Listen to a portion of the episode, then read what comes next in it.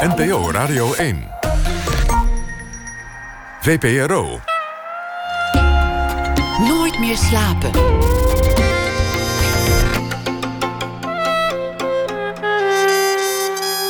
Met Pieter van der Wielen. Goedenacht en welkom bij Nooit meer slapen. Het eh, laboratorium van de Groningse nano-onderzoeker en Nobelprijswinnaar Ben Veringa maakte Jos Jansen een fotoreeks en u hoort hem straks na ene. Tim den Beste komt op bezoek. Hij is documentairemaker, schrijver en interviewer en hij heeft een uh, boek dat vrijdag uh, in de winkel zal liggen. Jona Valken die zal de voorbije dag samenvatten in een verhaal, maar we beginnen komend uur met Fik Meijer. Het was een lang gekoesterde wens om de beroemdste weg van het Romeinse Rijk, of thans wat er nog van over is, af te reizen. De Via Appia. De weg waar langs zo'n beetje elke Romeinse keizer destijds moet hebben gereisd. Ook de apostel Paulus heeft er gelopen. De slavenopstand van Spartacus werd er neergeslagen. Kortom, een plek waar de geschiedenis werd bepaald. 570 kilometer lang was die ooit, maar uh, zo lang is dat inmiddels uh, vast niet meer.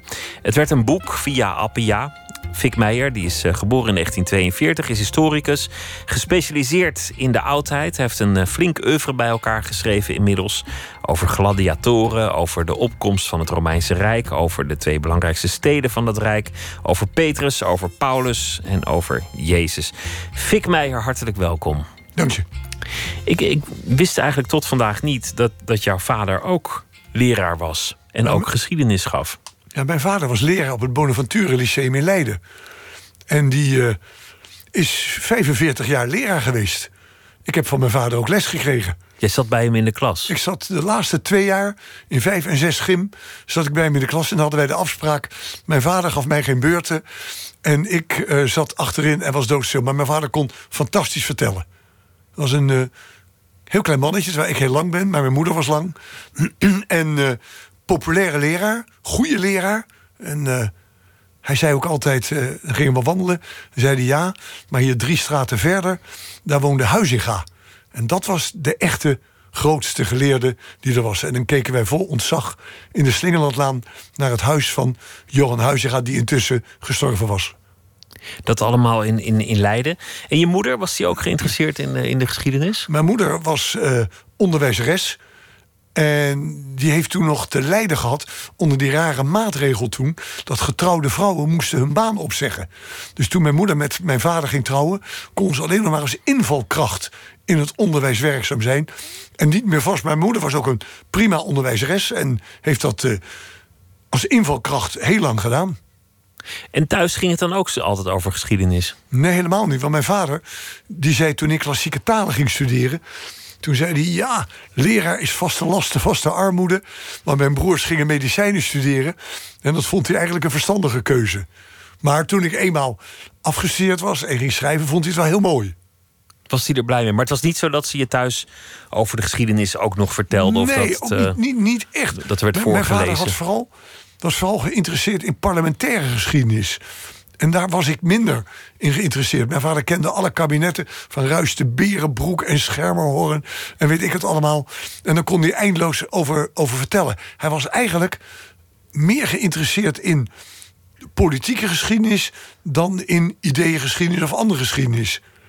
Maar hij had wel hele verstandige dingen. Want toen Deetman, in 82 of 84, ik weet niet meer precies, kwam het de HOS-nota, herziening onderwijssalarissen, dat de leraren qua salaris verlaagd werden. Toen zei mijn vader, dat is een hele domme zet. Want nu krijg je geen goede krachten meer in het onderwijs. En leraren, eerste leraar gingen toen van schaal 12 naar schaal 10. Gingen dus een stuk minder verdienen. En dat was eigenlijk, zei mijn vader, een de meest belachelijke maatregel die je kon nemen. Het gaat er nu nog over, over ja, de, nu de nog. salarissen en dat in het is onderwijs. een vervolg daarvan.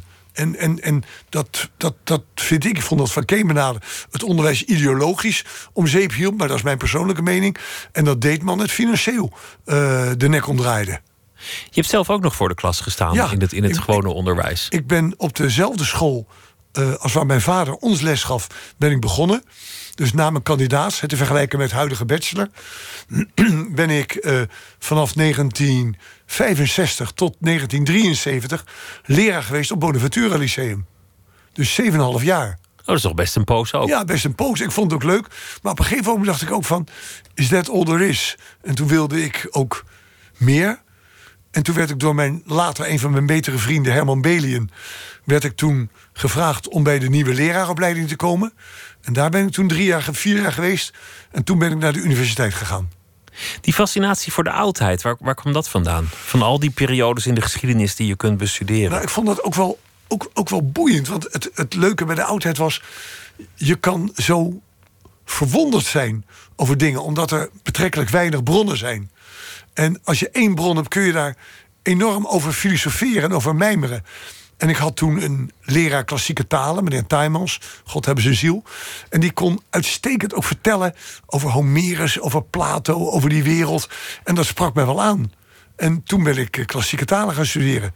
En dat was eigenlijk een beetje een losse keuze. Niet helemaal ingegeven van...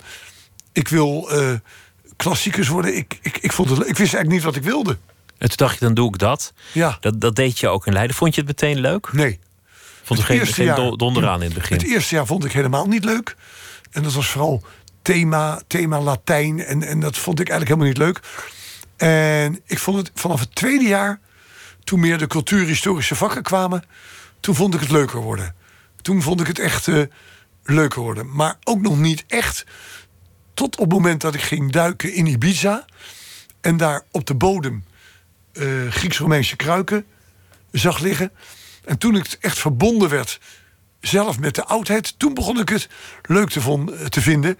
En toen ik terugkwam, toen ben ik pijlsnel, heb ik ook mijn kandidaat gehaald en ben ik ook verder gaan studeren in de oude geschiedenis en de archeologie. Maar het duiken, gewoon het water ingaan en het daar vinden van zo'n zo'n kruik. Ja, dat verbond mij echt met het De, verleden. Daar werd het letterlijk tastbaar van. Ja, daar kwam dat gevoel van verwondering binnen.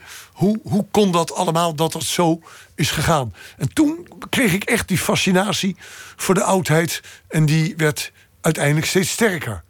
En die werd weer een beetje minder toen ik leraar werd. Want toen uh, had je een volledige baan.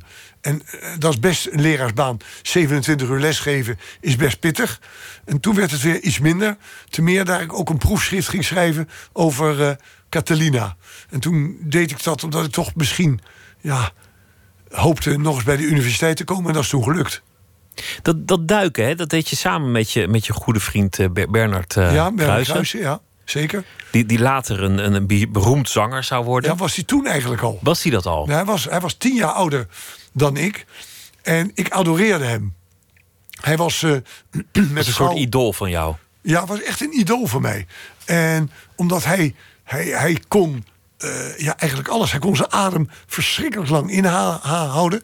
Hij dook op zijn longen naar 30, 40 meter diepte. Dat kon bijna niemand. En ja, hij, hij, hij, hij het, het, was een moeilijke man. Maar ik adoreerde hem. En uh, hij heeft mij eigenlijk het duiken geleerd.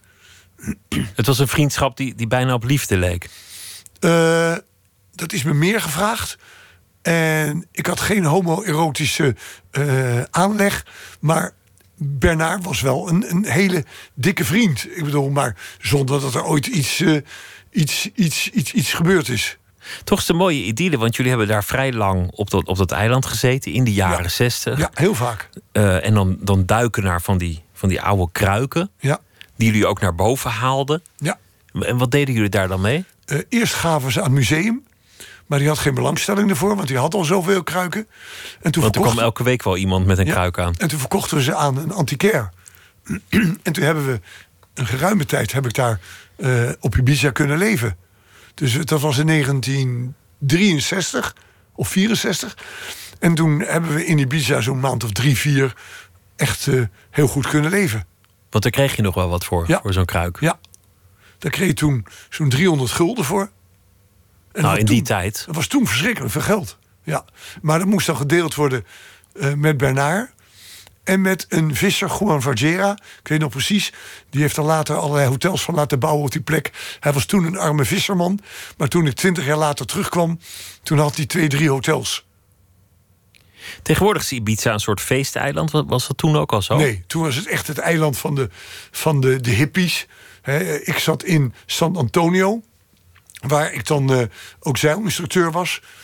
En in Ibiza-stad had je toen al die mensen als Jan Kramer en Harry Mulisch en Vaandrager en anderen die daar allemaal... eh, Hugo Claus, die zaten er allemaal. Die heb ik wel eens ontmoet.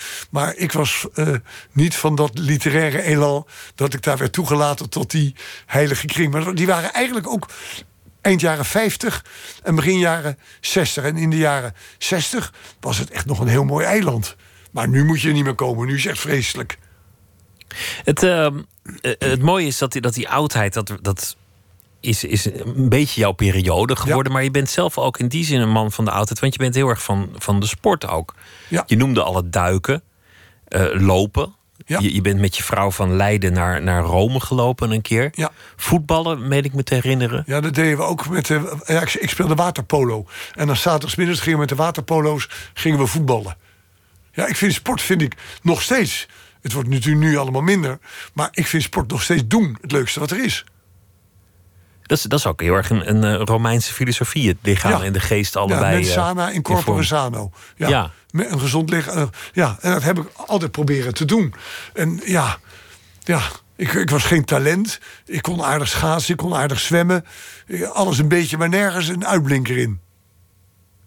Je, je kwam uiteindelijk terecht aan de universiteit. Aanvankelijk was jouw vak, jou- jouw benoeming was zeegeschiedenis van de oudheid. Ja, ik was eerst hoofdmedewerker, hoofddocent. En toen werd ik eh, bijzonder hoogleraar in de zeegeschiedenis en onderwaterarcheologie. In land der blinden is Enoch Koning. En nou ja, dat vond ik wel heel mooi.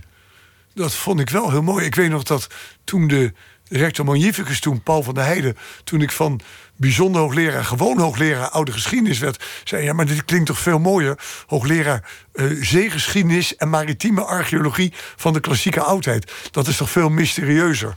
Ja, dat klinkt fantastisch. Dat klinkt fantastisch, ja. Ja. ja. En, en, en toen werd ik eh, de, de laatste twaalf jaar van mijn loopbaan aan de UvA... werd ik eh, gewoon hoogleraar oude geschiedenis.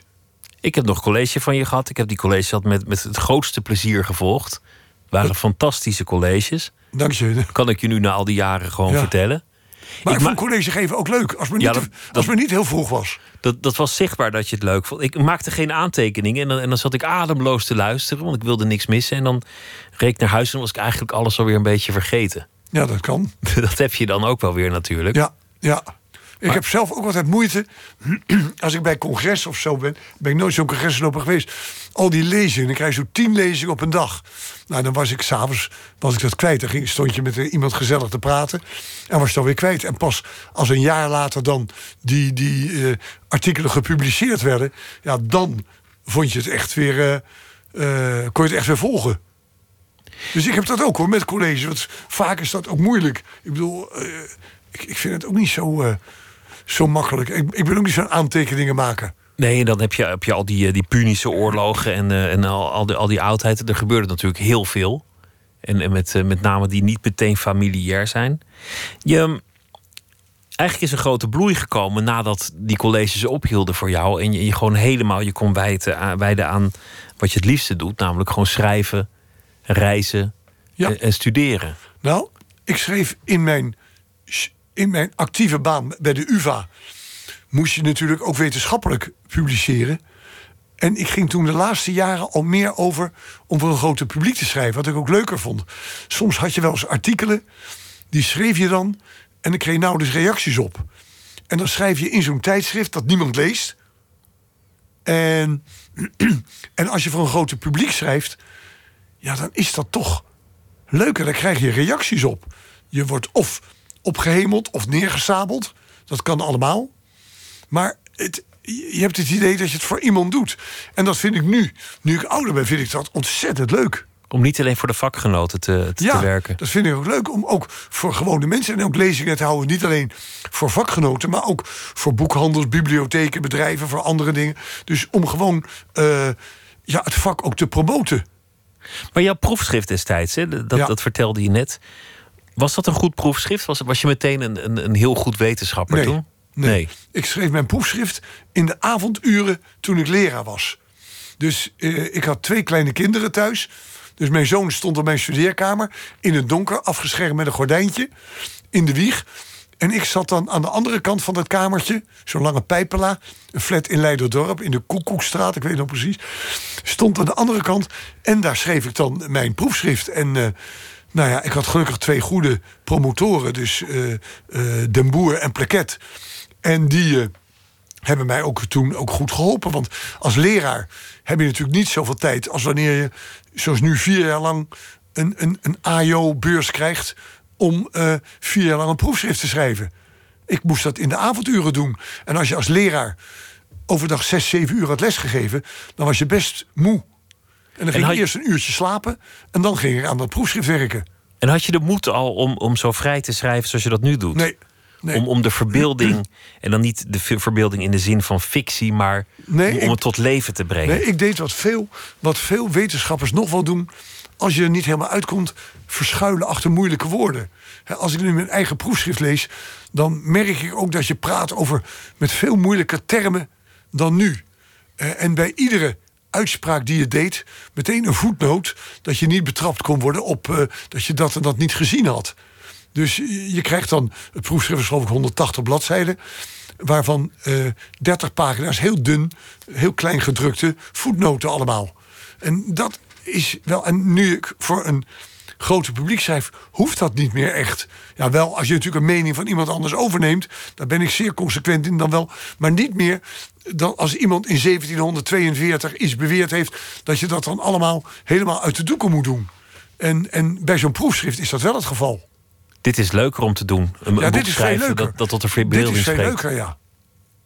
Alleen die figuur Catalina heeft me nooit meer losgelaten.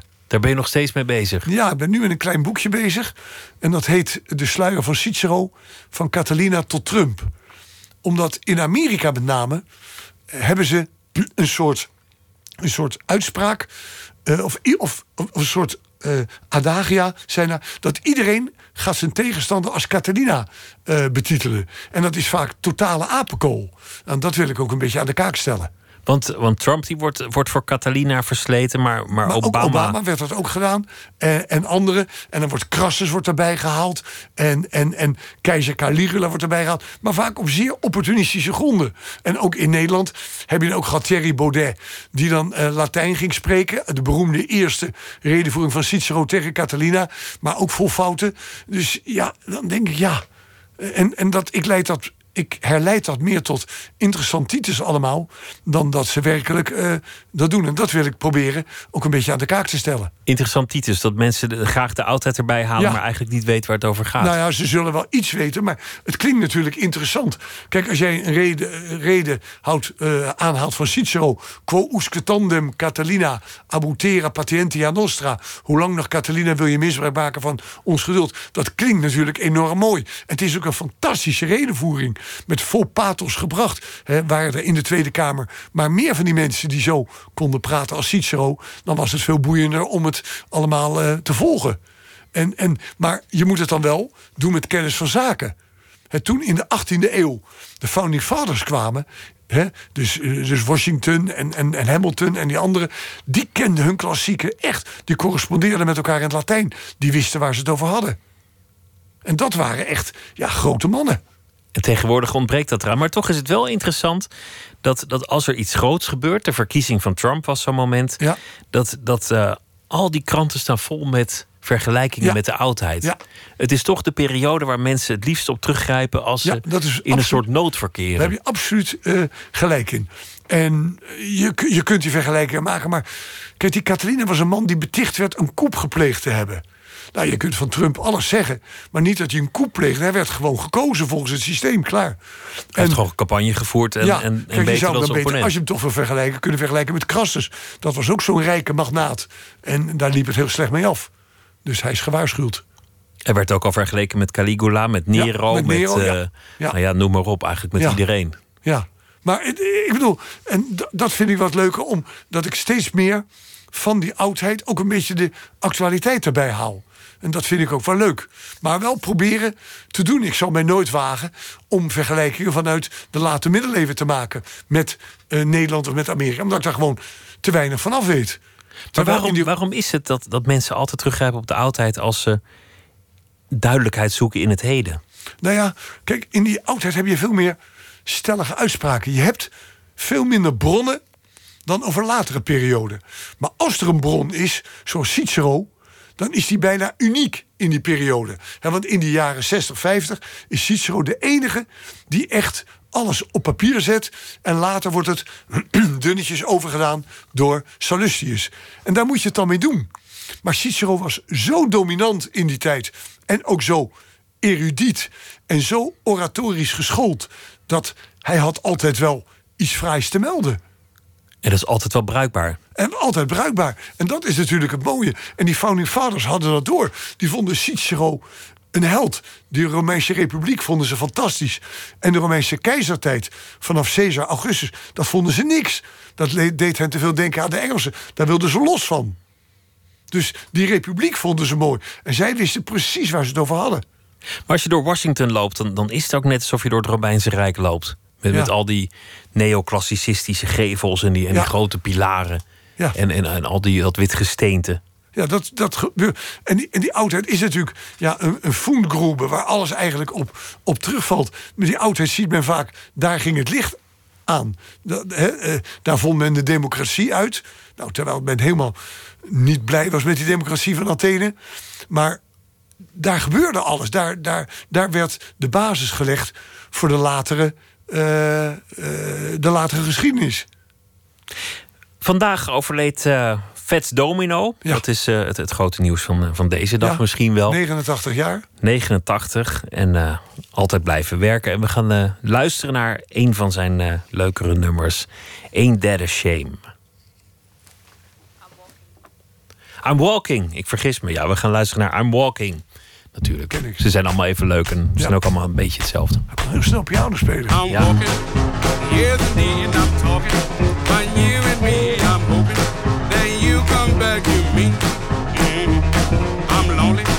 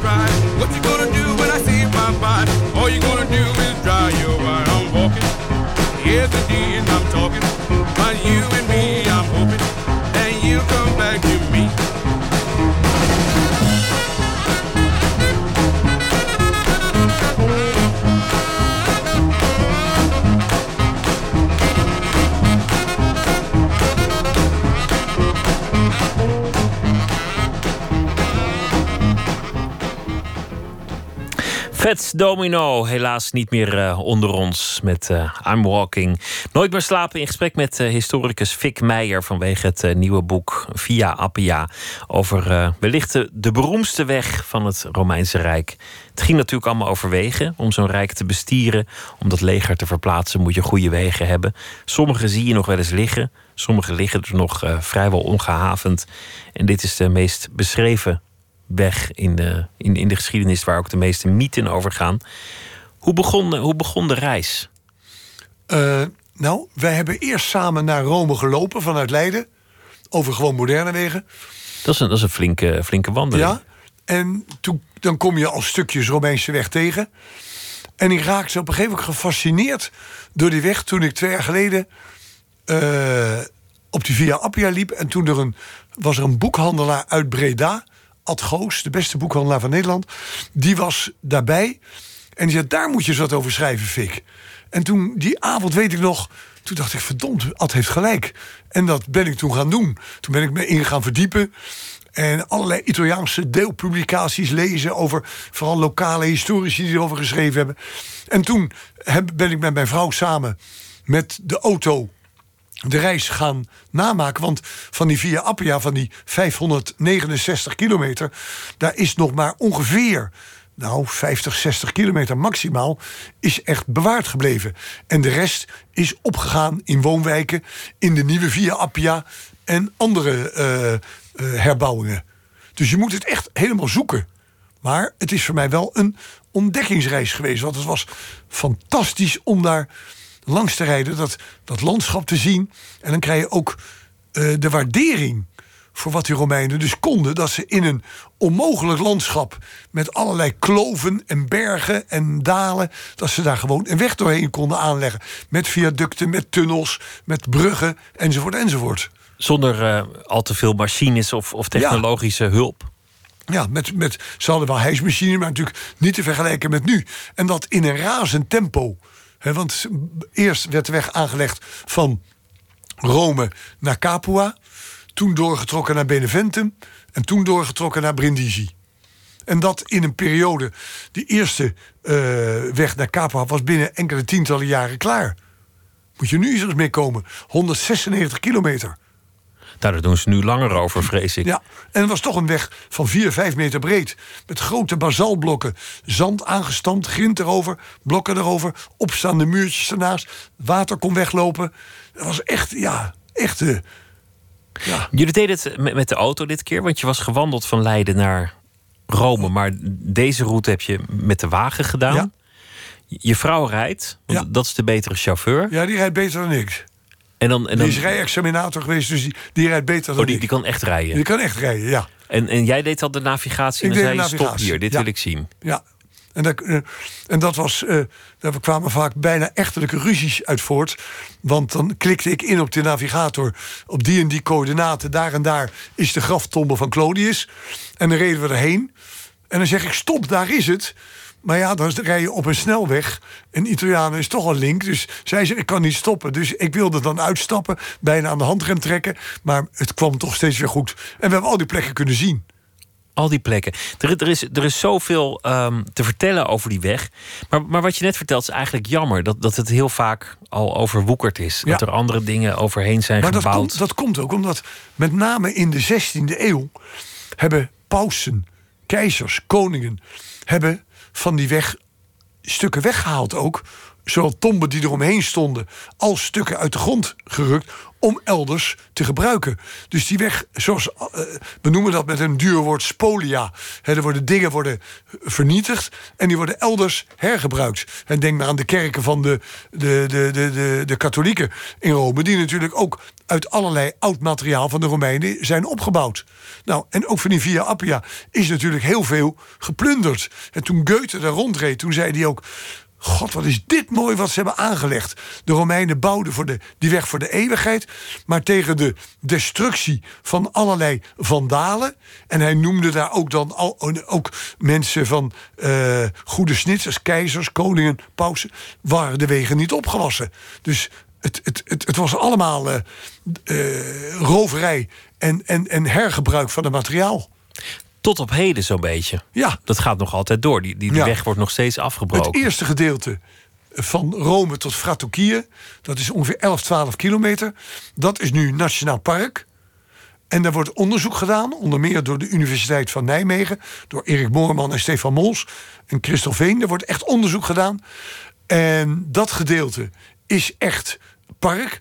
Maar verder kom je in delen die heel eh, ja, open en bloot liggen te vergaan. Maar er zijn nu wel steeds meer lokale verenigingen die proberen die weg weer te herleiden tot zijn oude schoonheid. Dus proberen stukken eh, die overwoekerd zijn door zand en andere dingen, om daar weer het plaveisel bloot te leggen.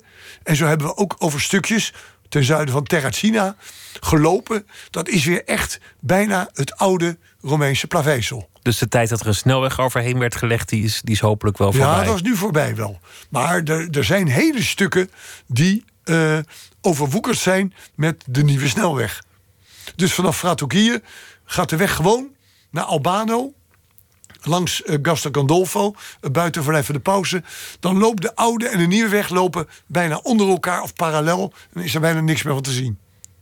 Je noemde Goethe, dat, dat is een van de bronnen die je, die je aanhaalt in je boek, of een van de verhalen die je vertelt. Dat op een zeker ogenblik het in de gegoede kringen in Europa Ja. een gewoonte wordt om een Grand Tour te doen. En dat heeft dan meestal iets met die oudheid te maken. Ja, en want- en die, die, die weg, dat zou dan ook zo'n reisbestemming kunnen Ja, zijn. Vooral, het gaat natuurlijk vooral om Rome. Rome. En dan maken ze vanuit Rome uitstapjes. Maar ze willen dan ook vanuit Rome naar Sicilië toe. En dan gaan ze ook een deel over de Via Appia. Dus ook eh, Goethe heeft over die Via Appia eh, gereisd. En is bij Terracina, dus dan is hij ongeveer op 90 kilometer van Rome... is hij afgeweken en is hij verder gaan naar Napels... en over de Via Poppilia naar Sicilië gegaan. En hij is maar een van, een van de velen, Een natuurlijk. van de velen. Charles Dickens heeft, heeft daar gelopen. Eh, Louis Couperus heeft daar prachtig over geschreven. De- onze een van onze Nederlandse grootste schrijvers. Eh, die hebben daar allemaal over geschreven. En heel veel Duitse dichters... die natuurlijk met dat beeldingsideaal groot geworden waren... die hebben ook over die Via Appia gelopen. En, en verwijlden dat ook echt in die tijd. En probeerden zich ook te verplaatsen. Want ik heb die Via Appia beschreven... aan de hand van een gedicht van Horatius. Want dat is eigenlijk de enige eigentijdse bron Ja, die over die weg schrijft. Dat is een satire eh, uit het eerste boek, de vijfde satire. En dan wordt Horatius erop uitgestuurd samen met zijn vriend Heliodorus en Mecenas en Virgilius en Varius, een heel cultureel gezelschap, om te gaan bemiddelen in een conflict tussen Marcus Antonius en Octavianus. En dan wordt er, zou er een conferentie gehouden worden in Brindisi. En ze gaan daarheen en dan beleven ze allerlei avonturen. Maar Horatius is geen Herodotus, is geen geschiedschrijver... en praat vooral over zijn eigen malheur. Over pijn in zijn ogen, pijn in zijn buik. Over dat een waard in een hotelletje een meisje beloofd heeft... maar dat meisje dat komt niet. En dan eh, trekt hij zich, hij is al 30, trekt hij zich maar af. En, en, en daar schrijft hij dan over. Maar niet over wat hij allemaal ziet. Heel, heel kort, heel merkwaardig. Hij volgt wel de route, maar het gaat vooral over hemzelf. Zoals de meeste reizigers uiteindelijk met hun eigen malheur bezig Ja. zullen zijn, toch? Ja, daar dat is was hij dan. met, met hedendaagse reisboekschrijvers nog steeds vaak het geval. Ja, die vooral, ja, en dat heb ik dus met opzet in dit boek ook niet gedaan. Het gaat niet wat Fik Meijer langs die weg beleeft. Het gaat erom wat andere mensen beleefd hebben... en hoe die weg in de oudheid gezien werd als A, de belangrijkste weg om troepen te verplaatsen... en B, later werd het dan een handelsweg... en C, eh, culturele eh, delegaties gingen dan langs eh, de cursus publicus, de openbare postdienst... en dat het echt een heel druk eh, verkeersmiddel is geworden. Er zit ook de Romeinse droom in. De droom van het grote rijk waar, waar de keizer heerst en waar orde heerst en waar de wet geldt. Dat is nooit helemaal gelukt, want, want de kans om geplunderd te worden en beroofd langs die weg was, was reusachtig. Zelfs in Italië nog. Je zou verwachten dat eh, in Italië alles gepacificeerd was. Dat er geen Dat, rovers dat meer ze het waren. wel onder de duim hadden Ja, daar. maar er is bijvoorbeeld rond het jaar 200 is er een keizer, Septimius Severus, die, die beweert dat hij het hele rijk tot vrede gebracht heeft. Maar in Italië, tussen Gravina, dus midden in Puglia, die landstreek Apulië, en Brindisi, is dan een man actief, Bulla Felix. En die gedraagt zich eigenlijk een beetje als een Robin Hood. Die plundert reizigers uit en geeft dan de armen eh, daar eh, wat van. En heeft een hele bende opgebouwd. En dat heeft hij enige jaren kunnen volhouden. Totdat hij dan gepakt is. En dan vraagt die eh, man die hem gevangen genomen heeft: Waarom ben jij rover geworden? En dan zegt hij: Waarom ben jij procurator geworden? En uiteindelijk wordt hij dan voor de wilde dieren gegooid. Maar hij is een van de vele rovers in dat gebied. Want dat is ook het aardige van die Via Appia. Legio is het aantal grafschriften op graven van mensen die leeggeplunderd en gedood zijn. Die Dus- gestorven zijn op die, weg gestorven of zijn langs de weg. onderweg beroofd zijn door rovers. Dus dat kon ook gewoon. Dus het was, want, je, want als je die weg ook ziet en je reist over die weg, nu nog steeds in dat landschap tussen Campanië, Lucanië en Puglia, dat is een onherbergzaam landschap. Nou ja, dat was voor struikrovers was dat ideaal. Dat was voor de Romeinen bijna niet te controleren. Dus daar werd je ook gewoon leeggeplunderd. Je ging, ging als jongeman duiken en dan vond je een kruik... en dan had je dat verleden in je handen en toen ging het voor je leven. Ja. Daar begon jouw, jouw passie. Dat is hier natuurlijk ook in zekere zin gebeurd. Ja. Je komt op die plek en dan denk je... die, die, die Spartacus-opstand, Ja. dat was hier op deze plek. Ja. In- Op deze in- grond. in Capua. En er was ook een heel merkwaardig verhaal eraan verbonden. Ik wist dat, eh, dat, dat, dat Spartacus daar die opstand had gepleegd. En dat op de weg van Capua naar Rome. Dus de, de, de, de slaven die uiteindelijk verslagen werden, zijn eh, eh, gekruisigd. maar we kwamen in Capua in een hotel. En, en we praten daar met de hoteleigenaar. En die hoteleigenaar die was voorzitter van de lokale vereniging van gladiatoren. En die man die heeft ons rondgeleid over plekken waar je anders nooit komt. Dus monumenten die herinnerden aan de gladiatoren, die kon hij allemaal laten zien. En dat was wel heel opvallend. En dan krijg ik nog steeds als oude man het idee van de verwondering. Want dat begin ik steeds meer te zien. Als je in je leven niet meer verwonderd kan raken over dingen, dan kun je er beter mee stoppen.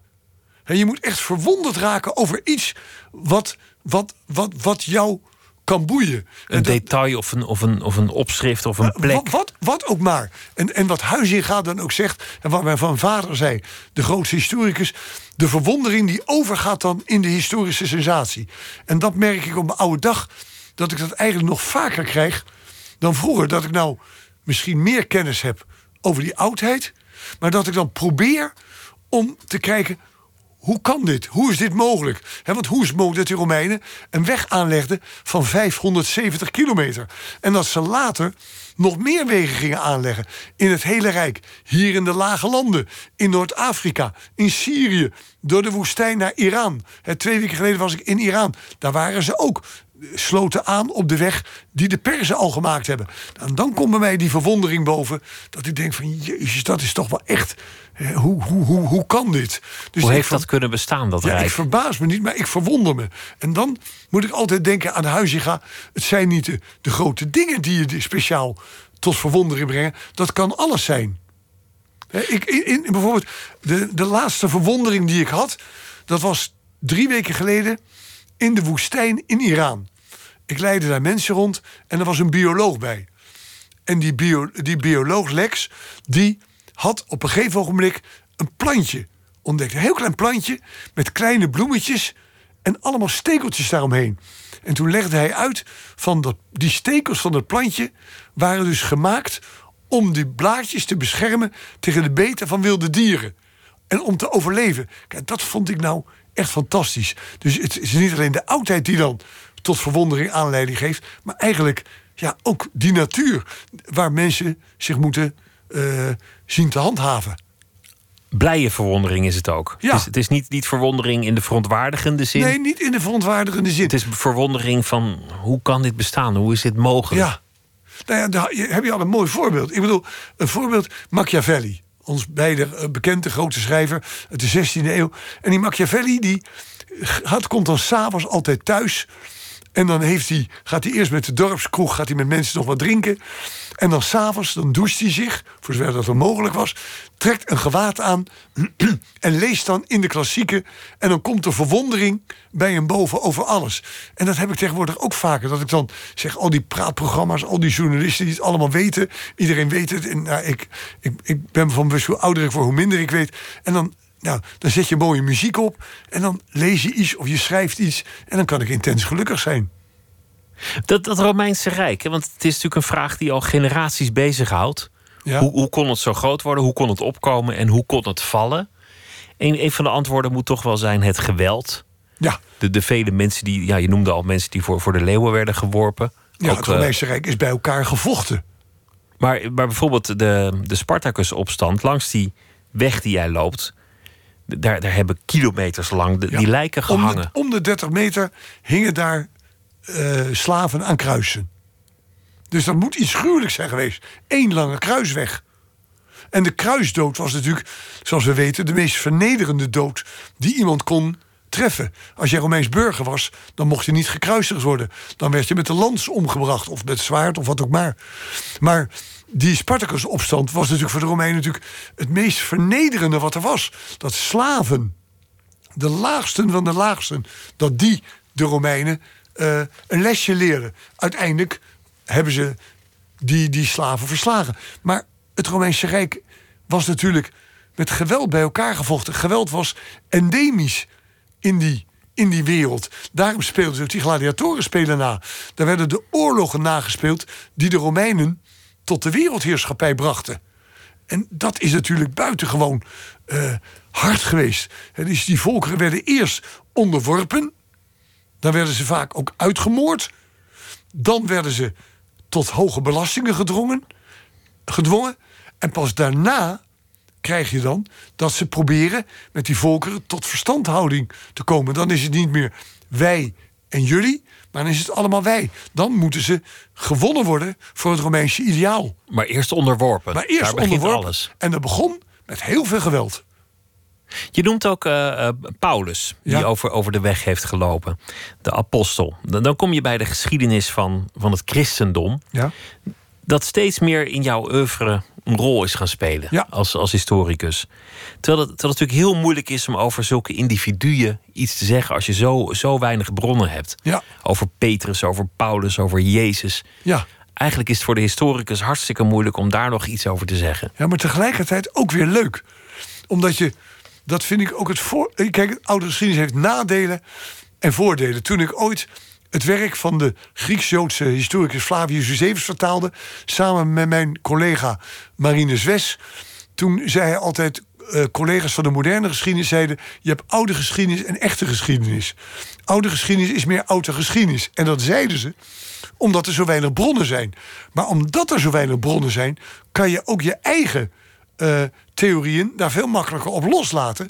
En veel minder beticht worden van dat je dat, dat niet gezien hebt. Kijk, als je iets schrijft over de Tweede Wereldoorlog, daar zijn natuurlijk talloze dingen over geschreven. Als je schrijft over moderne parlementaire geschiedenis, is dat talloze eh, art- artikelen zijn daarover eh, neergepend. En dat is bij de oudheid ook het leuke. Als je schrijft over die opstand van Spartacus, dan zijn er misschien twee, drie bronnen. Maar je kunt dan zelf daar ook een invulling aan geven. Dan moet je heel precies lezen wat staat er nou. Ja, ja, Wat, wat, hoe verhouden ze zich tot elkaar? ja. Wat weet van- ik over soortgelijke opstanden? En vandaar dat er over Augustus ook zoveel verschillende dingen zijn. Kijk, ik ben een overtuigde republikein. En als ik dus over Augustus schrijf, dan komt daar ontegenzeggelijk naar voren mijn republikeinse gezindheid. En dat ik dus iets minder positief over Augustus ben dan andere mensen die zeggen van ja. Hij heeft de republiek om zeep geholpen, maar hij heeft ervoor in de plaats eh, law en orde gebracht, de Pax Augusta, of de Pax Augusti, de vrede van Augustus. Ja, maar ik vind de democratie, eh, de, de, de republiek, was de mooiste staatsvorm van Rome. En die heeft Augustus om zeep geholpen. En vrij snel werden het zeer autocratische keizers. Dus toen werd er, bleef er niks goeds meer van over. Maar Jezus, als je, als je daarover schrijft, Ja. hè, dan, dan begeef je op glad ijs, omdat mensen Ja. nog steeds meer in hem zien dan een historisch figuur. Ja. En omdat dat de historische bronnen heel schaars zijn. En heel veel bronnen zijn van veel later, maar die zijn allemaal zeer gekleurd. Ja, Want toen was het al de, de, de, de grote vervanger van God en eh, et cetera, of de zoon van God. nou mijn bedoeling was... Heb je, dan, heb je dan de huiver om daaraan te beginnen? Ja, he- heel veel huiver gehad. Maar ik ben eraan begonnen toen ik weer dat werk van Flavius Josephus herlas. En Flavius Josephus schreef over de opstand van de Joden tegen de Romeinen, over de geschiedenis van de Joden. En toen merkte ik dat Flavius Josephus gaf allerlei informatie over de context, over de maatschappij waarin Jezus leefde, die we in de evangeliën en de handelingen van de apostelen zo nodig missen. En toen heb ik aan de hand van Flavius Josephus besloten om eh, dat leven van Jezus daarin te belichten. Als het ware door zijn ogen te kijken naar als Jezus. het ware door zijn ogen ook te kijken. Ja. En, en nou ja, ik denk dat ik er redelijk in geslaagd ben. Ik kreeg daar hele positieve reacties, hele negatieve reacties op. Maar dat is bij Jezus is dat ook te verwachten. Ja, dat, dat is een onderwerp waar je niet zomaar een, neutraal dat is, boekje dat over is een, maakt. Een, een brisant onderwerp. Dat, dat, dat, dat, dat is ook zo. En ja, ik, ik heb misschien te weinig Joodse bronnen gebruikt. Maar die hebben ook niet echt wat over Jezus te melden. Dus het is heel moeilijk allemaal. Maar ik ben er nog steeds. Ik denk daar met plezier aan terug. Ik ben het land rondgetrokken om met allerlei mensen daarover in debat te gaan. Tot Jehovah-getuigen aan toe. En ja, ik, ik, het, het is een episode geweest in mijn leven dat ik schreef over Paulus, Jezus en Petrus. En dat heb ik met zeer veel plezier gedaan. Het, het grappige is, en dat vind ik ook het interessante aan het bestuderen van, van de oudheid. Dat, dan, stel, ik spreek jou nu Ja, en ik vertel dat aan iemand anders. En die schrijft dat over 80 jaar op. ja, Of er zit nog iemand tussen. Dat zou ook zomaar kunnen. ja. Dat, dat is helemaal niet zo ongebruikelijk Nee, als, als bron in de oudheid. Nee, dat is ook zo. Wij noemen vaak, eh, als Herodotus schrijft in de vijfde eeuw over de, de Assyriërs, die een paar eeuwen eerder waren, dan spreken we bijna over een bron die contemporain is. En dat is natuurlijk niet zo. Er is de twee eeuwen tussen. Eh, Stel dat ik nu een boek schrijf over Willem van Oranje, hè, met, eh, als, als, als, als eerste bijna. Maar duizend jaar later gaan ze dat bestuderen. Dan zeggen ze toch dat het een oude bron is, terwijl dat helemaal niet zo is. En dat geldt natuurlijk voor de biografie van Jezus ook. Dat zijn ook heel veel van die bronnen van Ja, nou, 100 eigenlijk- jaar later. Eigenlijk de evangelisten ook al. Die zijn ook alweer enkele tientallen jaren na de dood van Jezus. Dus in de oudheid wordt het begrip contemporain wordt eigenlijk heel rekbaar. Wordt helemaal opgerekt. En, en dat je alles eigenlijk neemt. Dat, dat als je bijvoorbeeld een schrijver als Eusebius, vriend van keizer Constantijn, die rond 300 over het christendom schrijft, dan wordt dat vaak als een oude bron gezien. Terwijl het eigenlijk al ja, vele jaren later is. En, en hoe zie jij Jezus dan nu? Als je hem als historisch figuur zou moeten duiden, wat ben je dan, dan over hem te weten Nou, gekomen? wat kun je erover zeggen? een van de zelfverklaarde profeten was in die tijd. Want er waren er heel veel. Johannes de Doper was er een. Er waren ook anderen.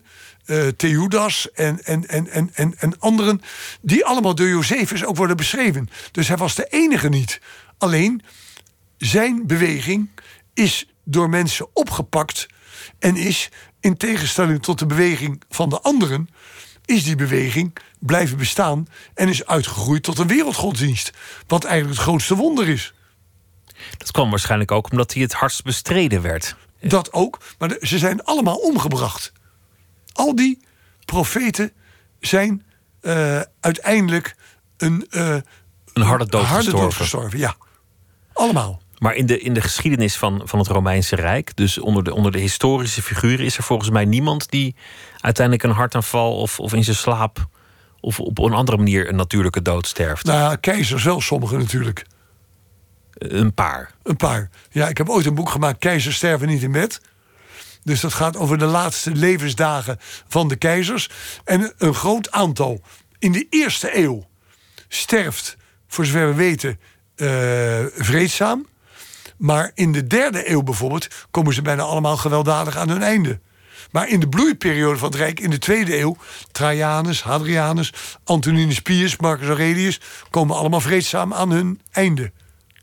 Maar die dat hebben dan dat bijna. valt me nog mee. Ja, het is, het is waar wat je zegt, geloof ik. Maar Ja, nee, het is waar. Ja. Ja. Ja. ja. Dan moet je voorzichtig mee zijn met te zeggen het is waar. Maar in dit geval wel. Nou, voor jou neem ik, neem ik dit soort Nee, dingen maar in dit geval is dat waar. aan. Maar in latere tijden, dan was het natuurlijk altijd link.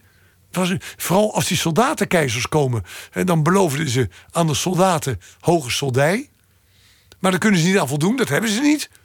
En dan worden ze weer afgemaakt, komt er weer een nieuwe op het schild. Want dat is natuurlijk het merkwaardige ook. Maar de mooiste staatsvorm was eigenlijk de republiek. En toen Augustus dat om zeep hielp en, en, en het Rijk rust en orde bracht... toen werd het later minder. Want dan krijg je ook toch minder bedeelde keizers als eh, Caligula, Nero, Domitianus, Commodus. Dat, dat is natuurlijk altijd het, het, het, het bezwaar als je autocratische heersers hebt. Nog later is het, is het hele Rijk natuurlijk eh, ja, verkruimeld. Ja. uit elkaar gestort. Het heeft nog in het, in het oosten voortbestaan. Het heeft nog een soort vervolg gehad in het, in het Duitse Rijk. En er zijn allemaal Ja. eh, nieuwe vormen van geweest. Maar ja, in, ineens was het voorbij. Dat, dat, is, dat is ook het onderwerp waar volgens mij het meeste over geschreven is. Van die hele en er oudheid. wordt, en er wordt de laatste jaren eh, vooral veel over geschreven. Over of dat nou echt gevallen is. Ik weet nog, toen ik een proefschrift had, schreef, had ik een stelling. Die ik nou niet meer zou onderschrijven. Maar eh, de val van het Romeinse Rijk was noodzakelijk voor betere leefomstandigheden voor de bevolking. Omdat de Romeinen in die tijd, omdat ze de mensen eh, nodig hadden, ook weer gingen uitbuiten om dat Rijk te kunnen verdedigen. Nu zou ik dat niet meer eh, zeggen, maar het is heel complex om dat. eh, ja, om, om, om die val van het Romeinse Rijk te gaan be- bekijken. Gibbon heeft daar natuurlijk prachtig over geschreven. Met Decline and Fall of the Roman Empire. Maar nu met name in Engeland. Meneer Peter Heather. Die daar schitterende boeken over schrijven. Over ja, hoe je die val van dat Romeinse Rijk moet zien. Moet je het wel zien als een val? Of was het meer een, een verzelfstandiging van delen van dat Rijk... die dan door eh, belangrijke figuren werden bestuurd? De, de traditionele visie van de, van de Visigoten en de Ostrogoten en, en wie al niet liepen de boel omver, die, die houdt het niet meer. Nou ja, dat was een stelling van meneer Pigagnol. Hè, L'Empire assassiné, het Rijk is vermoord. Eh, maar niemand kan eromheen dat ze binnengekomen zijn. Maar het is veel complexer allemaal, omdat ook die economie, die was verzwakt. Waardoor die legers niet meer betaald konden worden. En er niet genoeg mensen waren om in die legers te gaan. En toen kwamen die volkeren. Maar die volkeren die hebben zich vrij snel aangepast ook aan de leefomstandigheden van eh, de Romeinen. En het Romeinse Rijk heeft echt voortgeleefd in literatuur, in taal, in recht, in bouwkunst, et cetera. Dus het is veel minder dramatisch geweest dan eh, wat er nu was. En, en sommige mensen praten heel gemakkelijk over een, een, een, een, een, een, een, een ja, een rijk dat echt helemaal in elkaar gevallen, in elkaar geslagen is. Niet eens verkruimeld, maar echt in elkaar geramd is. Eh, en, en daar ben ik het niet helemaal mee eens. Of helemaal niet mee eens. Maar het wordt ook altijd als een spiegel naar het heden uh, omhoog ja, gehouden. Daar moet je ook voorzichtig mee zijn. Ik weet bijvoorbeeld toen Wilders zei toen van de vluchtelingen zullen net als de Germaanse stammen het Romeinse Rijk hebben in, eh, in, elkaar, in elkaar geramd, zullen ook het fort Europa ook helemaal gaan eh, innemen. En daar ben ik van overtuigd dat dat een totaal onjuiste stelling is. Want maar- zo ging het gewoon niet. Nee, zo, zo zie ik dat ook nu niet gaan. Ik bedoel, die, die, die, die Galliërs of die, die, die Ostrogoten, Vandalen waren bewapend, kwamen met kleine groepjes binnen. En het was meer de innerlijke zwakte van het Romeinse Rijk die hen de gelegenheid gaf om dat te doen. En daar zie ik nu in Europa met wat voor Brexit-bewegingen we ook te maken krijgen, eh, wat voor Baudet-achtige dingen we ook krijgen. Dat zie ik nooit gebeuren. Je bent nu eh 75 inmiddels. Ja, het schiet op. het, schiet, al- het schiet al op. En ieder jaar een boek. Ja, Zeker, som- soms zelfs iets meer dan dat. nou niet meer, maar ja, nee, ja. ja. En, en, en dan die lezingen die je doet en, en allerlei andere projecten die je doet. Je bent productiever dan ooit. Ja, maar dat komt eh, als je even nakijkt. Ik heb nu eh, geen universitaire verplichtingen meer, geen vergaderingen meer. Een dag heeft 24 uur. Nou, dan trek je acht uur af slapen. Dan eh, heb ik met mijn vrouw, mijn kinderen en kleinkinderen prima eh, leven. Alle. Maar dan blijft zo'n dag of zeven, acht per dag over om dingen te doen. En dan, nou ja, dan ga ik achter die eh, IKEA-tafel zitten. En dan achter de laptop, je zet mooie muziek op. En je gaat daar heerlijk zitten. En je trekt je terug in je eigen wereld. En dat is natuurlijk ook wat mij nu heel aardig afgaat. Want dat vind je uiteindelijk het leukste. Ja, en dan om af en toe weer mensen rond te leiden in Italië, weer onder de mensen zijn, vind ik dan ook leuk. Maar als het dan afgelopen is, dan vind ik het weer heerlijk om, om, om, om, om daar te zitten. En ja, ik zou er niet aan moeten denken dat ik niks te doen had. Maar vroeger zag je ook nog wel eens op, op een, op een eh, knetterende motorfiets eh, eh, rondrijden. Ja, maar dat is, Dat is voorbij. Ja, die tijd de Harley Davidson is voorbij. Dat is, ik bedoel, ik werd door Rob Zoutberg, de, de NOS-correspondent, fantastische man. Rob die wilde samen een tocht maken over de Via Appia. Maar dat heb ik toch afgewezen, want ik had 30 jaar niet meer erop gereden. Of 20 jaar. En dan moet je dat niet meer doen. Want ik bedoel, dan konden we van de Harley... Hij had dan de relaties met de Harley-fabrieken in Italië. En dan konden we de Via Appia nareizen daarover. Maar dat vond ik toch te ver gaan. Dat, dat gaat dan niet meer. Nee, Rob is 20 jaar jonger, dus die kan dat wel. Maar je conditie is nog uitmuntend. Dus je, Nou, je kunt nog. het, het gaat goed. Ik, ik, ik Ja. heb geen reden tot klagen. Nee. En zolang je gezond bent, kun je natuurlijk dingen doen. Dus als je ja, klachten krijgt, dan wordt het natuurlijk moeilijker. En tot die tijd ga je gewoon door met, met, met het schrijven, met het, eh, Ja, ik hoop het het wel. ja. lezen, met, met dit werk. Wat- Ja, ik, ik hoop het wel. Ik hoop nog, eh, nog het nodige te doen. Ja, zolang het allemaal nog me blijft boeien. Want dat lijkt mij een ramp als je oud bent en niks boeit je meer. Lijkt mij een ramp. Ja, jij bent nog jong. Maar als, als het je gewoon allemaal niet meer interesseert, dat lijkt me een ramp. Ja, Inderdaad. lijkt mij een ramp. Dat lijkt me Dan denk ik verschrikkelijk. ook van, ja, ja. ja, ik ga heb dan, ga dan maar vast uit- liggen. Zoals, ik hoor wel eens mensen, ik heb het allemaal wel gezien. Ik heb het helemaal niet allemaal gezien. Ik kom steeds meer nieuwe dingen, nieuwe dingen tegen. En ik loop iedere dag met mijn vrouw twee uur lopen wij te wandelen. En, en, en, en dan ben ik ook niet zat. Dat vind ik heerlijk. Dus ja, pluk de dag ook. Een kreet van Horatius ook. Carpe diem. En eh, dat moet je ook ja, ja, proberen te doen. En jouw kinderen en kleinkinderen, zijn die, zijn die ook helemaal bevangen al door, eh, door dat historisch virus? Eh, mijn zoon is ingenieur, mijn dochter is jurist, dus helemaal niet. Maar de kleinkinderen weer wel. Die vinden dat Ja, prachtig. wij gaan ieder jaar met kinderen en kleinkinderen gaan ergens heen. Of Rome, of Griekenland, of wat ook maar. En dan, eh, nou, dan zoeken we allemaal plekken. En dan is iedereen wild enthousiast. Maar vooral die kleinkinderen. Wat geweldig. Die, vinden dat ook leuk, ja. ja. Het eh, boek heet eh, Via Appia. met Horatius langs de wegen. De koningin der wegen heet het, eh, geloof ik. Door, eh, door Italië, kortom. Fik Meijer, dank je wel dat je te gast wilde zijn. En heel veel succes met alle reizen, met al het schrijven, met het volgende boek. En eh, En jij ook succes met dank je alles. wel. Dank je wel. Zometeen gaan we verder met eh, Nooit meer slapen. En dan gaan we het hebben over eh, het allerkleinste, de nanotechnologie. Een eh, fototentoonstelling in het laboratorium gemaakt door Jos Jansen. Die ging bij Ben Veringa in Groningen in het lab fotograferen. Tim den Beste komt op bezoek. Hij is programmamaker en schrijver. En hij heeft een nieuw boek, Zou er wifi in de hemel zijn? En Jona Valken zal een verhaal maken bij de afgelopen dag. Twitter, het VPRO NMS. We zitten op Facebook. En u kunt zich abonneren op de podcast via iTunes of de website van de VPRO. vpro.nl slash nooit meer slapen.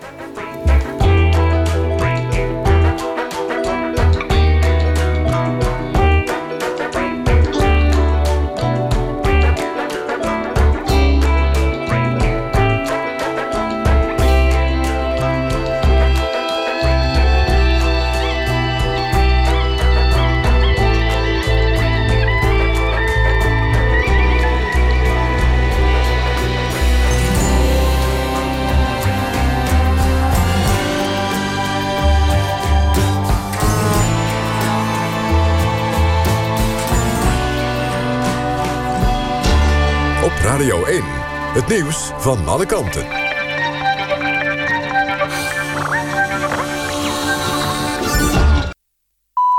Eén uur Eefje kunnen met het NOS Journaal.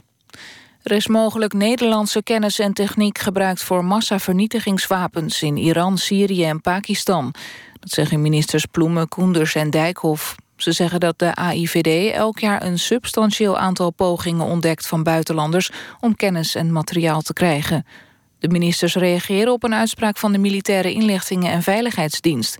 Die zei vorige maand dat Iran, Syrië, Pakistan en ook Noord-Korea geïnteresseerd zijn in Nederlandse kennis van massavernietigingswapens. Turkije heeft acht mensenrechtenactivisten op borgtocht vrijgelaten. Het gaat onder meer om een Zweed en een Duitser en de directeur van Amnesty International in Turkije. Ze werden in juli opgepakt op verdenking van deelname aan een terroristische organisatie. De activisten volgden samen een cursus over digitale veiligheid. Volgens Amnesty een cursus die veel grote bedrijven volgen.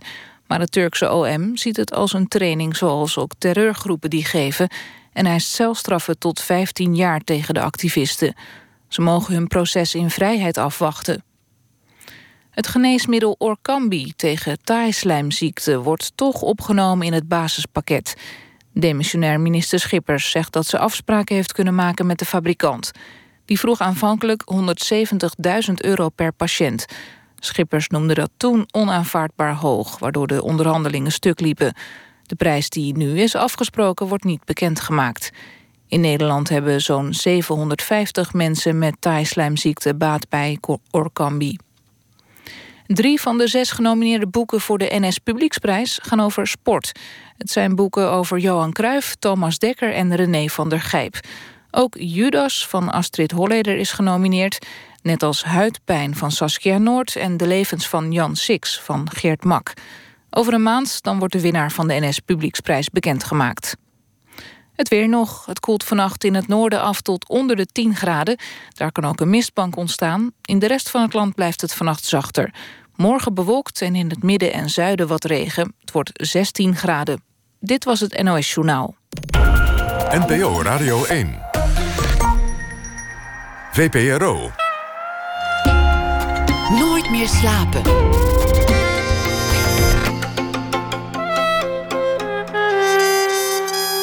Met Pieter van der Wielen. Ben Veringa won eh, vorig jaar de Nobelprijs voor de chemie, voor de nanomotor en de moleculaire schakelaar. Fotograaf Jos Jansen kreeg de kans om de essentie van het werk van de wetenschapper vast te leggen. Zometeen uh, gaan we praten over het resultaat. Tim den Beste komt op bezoek. Hij is uh, programmamaker en hij is ook schrijver. Zijn eerste boek komt uit Zou er wifi in de hemel zijn? En Jona Valken schrijft een verhaal bij de dag die achter ons ligt.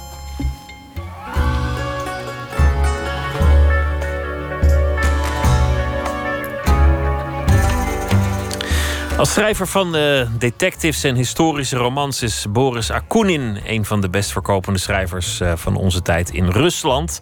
Vanavond uh, was hij in Amsterdam voor een lezing in de Rode Hoed. Akunin is ook bekend als dissident. Sinds 2000 2012 is hij een van de oppositieleiders tegen Poetin. Maar heeft Rusland inmiddels wel al uh, verlaten. Eva Kukier van NRC Handelsblad was bij de lezing en uh, kent ook het werk en heeft hem ook uh, geïnterviewd. Goedenacht, Eva Kukier. Goedenacht. Boris Akunin, niet iedereen kent hem, ook al was het flink uitverkocht in, in de Rode Hoed vanavond. Hoe zou je hem omschrijven? Hoe zou je hem introduceren aan iedereen? Um, Boris Akunin is eigenlijk de best verkopende schrijver in Rusland. Um, hij heet eigenlijk uh, Grigory Tshartisvili. Het is een Rus van Georgische afkomst die eind jaren negentig... Uh, eigenlijk in één klap beroemd werd met een hele serie detectives over een 19e eeuwse detective... Erast van Dorin. En um, daarmee heeft hij een enorm groot publiek in Rusland aange, aangesproken. En ik, ik ik omschrijf hem altijd een beetje als, de, als een mengeling tussen Sherlock Holmes, Dostoevsky, Tolstoy en een beetje rechter T van Robert Gulik. Een groot schrijver, maar waar hij ook veel aandacht mee heeft gekregen, is dat hij uh, eigenlijk zo'n beetje al vanaf het begin een van de belangrijkste opponenten van Poetin is. Klopt. Um, in 2012 sloot hij zich eigenlijk aan bij de oppositiebeweging die toen uh, de straat op ging tegen de herverkiezing van Poetin. Die was toen premier en die wilde opnieuw president worden. Dat heeft een grote nou ja, protestbeweging op gang gekregen. We kennen allemaal misschien nog wel de beelden ook van de straatprotesten in Moskou en Petersburg. En hij sloot zich daarbij aan met, met, samen met een andere, nou ja, grotere groep uh, liter, literatoren zeg maar, uit Rusland. Stond hij een beetje ja, op de barricades tegen Poetin. En nog steeds. Uh, hoe lang houdt hij dat nog vol eigenlijk? Want, want er zijn er niet zo heel veel meer die, uh, die zich uh, Poetin-opponent kunnen noemen. En die dat ook volhouden. Hij heeft dat toen met veel overgave gedaan. Hij was er ook echt van overtuigd dat hij, nou ja, dat Poetin ja, dat, dat ze een soort van beweging van onderop konden, op gang konden brengen... die toch een soort van democratische omwenteling uh, in gang kon zetten tegen Poetin... en dat ook de regering daar mogelijk naar zou luisteren. In 2014 bleek dat toch allemaal um, ja, toch wel definitief uh, voorbij. Poetin uh, liet absoluut niet zien dat hij, dat hij weg wilde gaan. Sterker nog, we kregen een oorlog in Oekraïne en de annexatie van de Krim... En, uh, en toen is Akunin zelf ook heeft zich teruggetrokken uit die beweging. Is weggegaan uit Rusland. Echt uit, uh, ja, gedesillusioneerd kun je wel zeggen. En heeft zich uh, sindsdien ook niet meer in Rusland vertoond. Maar schrijft nu vanuit, vanuit Engeland, Spanje en Frankrijk. Hij reist heen en weer en schrijft daar geschiedenisboeken. Waar ging het vanavond over? Wat heeft hij allemaal verteld op zijn, zijn lezing? Nou, het was een heel erg interessante avond. Het was inderdaad, zoals je al zei, helemaal uitverkocht. Uh, Akunen is natuurlijk een beroemd schrijver en vooral zijn detectives zijn bekend bij het grote publiek. Maar vanavond ging het vooral over zijn historische werk. Hij is vanaf 2012, 2013 uh, is hij zich gaan toeleggen op het uh, opschrijven van de hele Russische geschiedenis. Helemaal vanaf het allereerste begin tot aan nu. En dat heeft een heleboel werken opgeleverd. En, ehm, en daarin, ehm, ja, zijn theorie is een beetje... eh, het, Rusland is door de, de eeuwen heen eigenlijk een, een- soort van cyclische ontwikkeling doorgemaakt. En eh, eigenlijk wat we nu zien vandaag de dag in Rusland...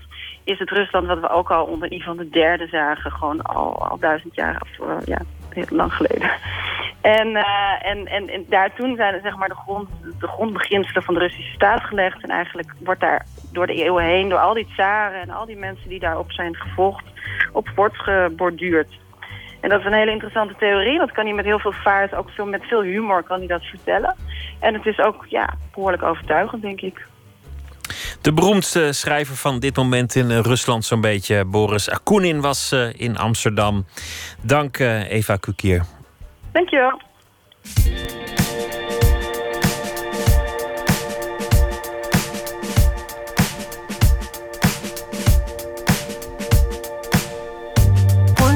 Borrowed the canvas to my lover's heart, but the stone was too full, and that envelope had a letter in that scarcely room. Back in silence is where it all began falling apart.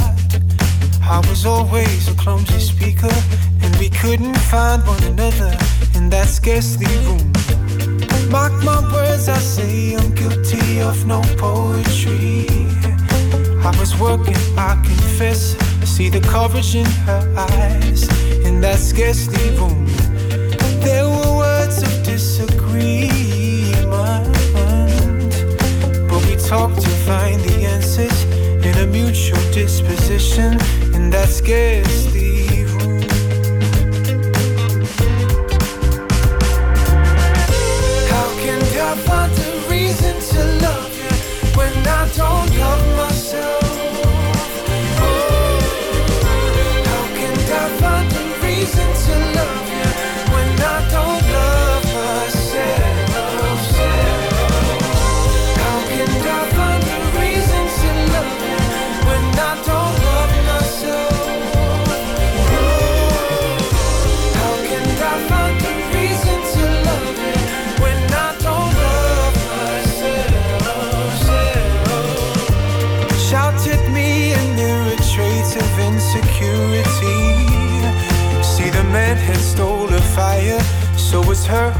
the flame out in that scarcely room.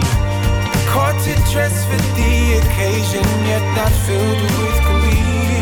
His hands reaching for the curtain, she was quick to put the light out in that scarcely room.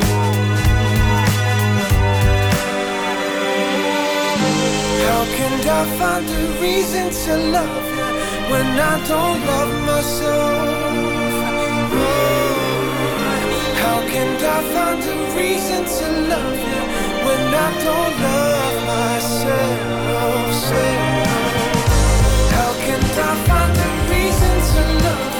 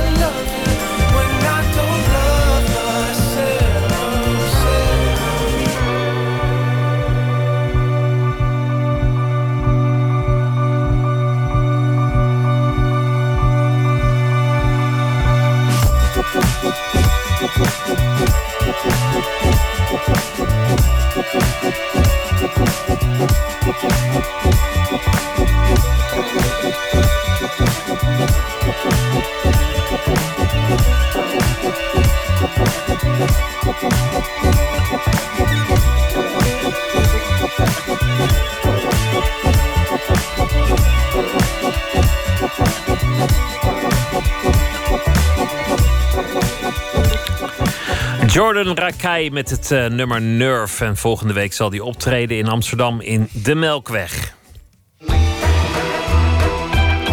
Nooit meer slapen. Afgelopen weekend opende in eh, Groningen de Noorderlicht Fotomanifestatie, editie 2017. Zeven locaties met zo'n 700 beelden van 74 fotografen. Eén daarvan is Jos Jansen. Hij uh, heeft in opdracht van het festival en van de Universiteit van Groningen deze zomer drie maanden doorgebracht in het laboratorium van Ben Veringa, de professor die vorig jaar de Nobelprijs kreeg voor de chemie. Verslaggever Botte Jellema ging samen met Jos terug naar dat lab. Ja, we hebben nu groen licht en we hebben hier UV-licht. En uh, gebaseerd op UV-licht kun je heel mooi zien dat hij, nou ja, dat hij een soort van fluorescentie heeft. Ja. Dus hij lijkt oranje in het gewone licht, maar nu schijnt er 300 nanometer licht op. En nu kleurt hij eigenlijk blauw, ja, fluorescent blauw op. De bruin-oranje gekleurde vloeistof in het potje is een chemische schakelaar. Afhankelijk van welke kleur licht je er doorheen laat schijnen, doet dit stofje iets anders. Je had van die chemische buisjes vroeger, op, die je dan op feestjes in, in, door nou midden ja, brak. ja, dat is dezelfde kleur, ja, precies. Wanneer er UV-licht op schijnt, wordt het fluorescerend blauw. En dan laat laborant Michael er groen licht op schijnen. Heeft geen enkele invloed op, uh, op het molecuul. Want hij schijnt niet meer op, blijft mooi oranje. Nee, het is hetzelfde dus als eigenlijk wat we net hetzelfde als in het uh, gewone licht. Bij daglicht inderdaad. Ja. ja. En op die manier zouden we dan nou ja, in dit geval een switch kunnen, kunnen tunen. Om te kijken of het met UV-licht, met groen licht, met rood licht, met blauw licht willen aan- en uitzetten. Juist. Michael kan het nog ingewikkelder maken en laat me zien dat hij het stofje niet alleen aan en uit kan zetten met licht, maar dat het ook nog een soort dimmer kan zijn die zichzelf langzaam uitschakelt. Michael werkt op het laboratorium van Ben Veringa, de professor die vorig jaar de Nobelprijs voor de chemie kreeg toegekend. Er zijn chemotherapeutische medicijnen aan het maken die we aan en uit kunnen schakelen met zo'n moleculaire schakelaar met licht. Dus we schijnen één golflengte van licht erop. Daarmee activeren we het molecuul, dus activeren we de biologische activiteit. Daardoor is het een goed medicijn op het moment dat hij of zichzelf uitschakelt of wij een andere golflengte licht erop schijnen, dus een andere kleur licht schakelt hij zichzelf uit of schakelen wij hem uit. En dan kan het zijn dat in de toekomst medicatie bij kanker minder pijn geeft en haaruitval niet meer voorkomt. Omdat de medicatie alleen op de plek waar het moet kan worden aangezet. Dat dit soort chemische schakelaars werken met licht is natuurlijk fijn voor een fotograaf. De keren dat ik hier was, werd er met uh, een hele prachtige kleur rood gewerkt. Fotograaf Jos Jansen is door Noorderlicht en door de Rijksuniversiteit Groningen gevraagd om de essentie vast te leggen van het werk van Ben Veringa. Dit is dat uh, rode licht. En ik zie ja. nu weer een uh, schitterende opstelling. hier had je eigenlijk wel een waar camera. Ik, waar ik nog wel even iets mee had willen doen als ik het zo zie. Een van de essenties van het onderzoek wat hier uh, plaatsvindt... is uh, dat de wetenschappers die hier werken... Uh, als het ware de hele dag bezig zijn met studeren. dat gebeurt vaak achter hun desk. En experimenteren. Mm -hmm.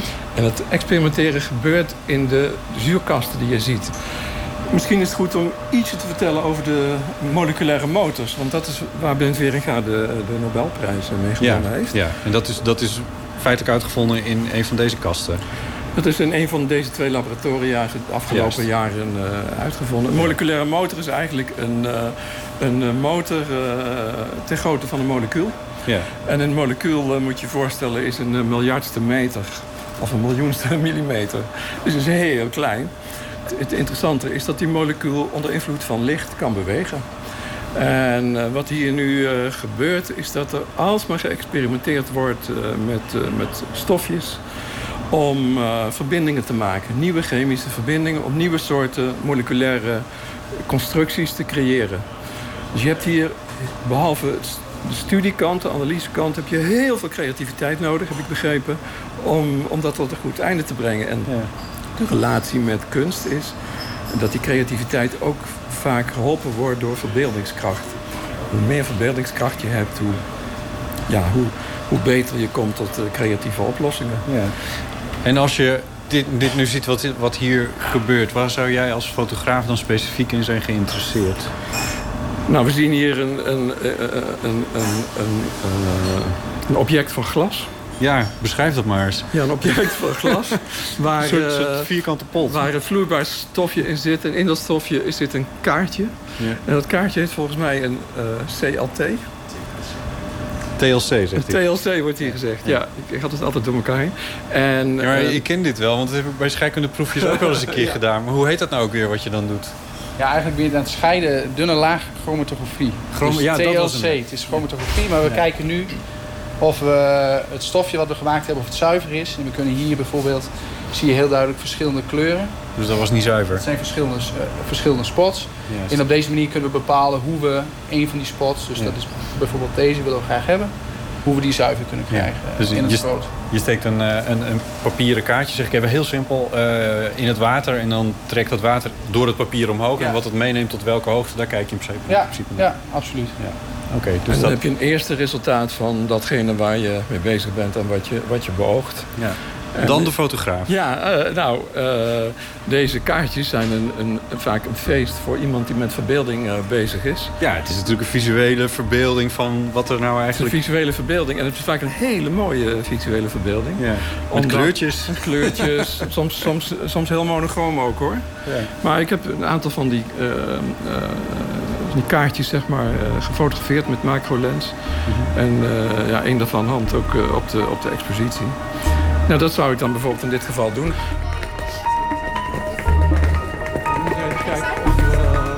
We verplaatsen van de academische campus Cernica aan de noordkant van de stad naar de oude binnenstad van Groningen, naar de Der A-kerk, een van de expositielocaties van Noorderlicht. In opbouw als wij er zijn. Hier hangt het werk van Jos waar we het over hebben. Mooi deze, hè? Ja, ik vind het echt... Jezus. Net ook, deze is ook wel... Maar het is ook nu valt net eventjes, eh, die zon eh, valt hier even op, dat, op, op die ene. Ja. Zie je hoeveel licht dat is van de zon als ik mijn hand ja. ertussen hou? Ja, mooi. Het is echt- Knalt er echt uit, het rood. Ja, ga je een fotootje van je foto maken? Ja, nou, de, misschien moet ik beginnen met de naam van de serie. Ik heb de, de, de serie eh, Playground eh, genoemd. En eh, dat heeft te maken met het feit dat eh, Ben Veringa een heel mooi verhaal altijd eh, heeft over wat universiteiten moeten zijn. Dat moeten playgrounds zijn waar eh, jonge mensen hun eh, nieuwsgierigheid kunnen uitleven.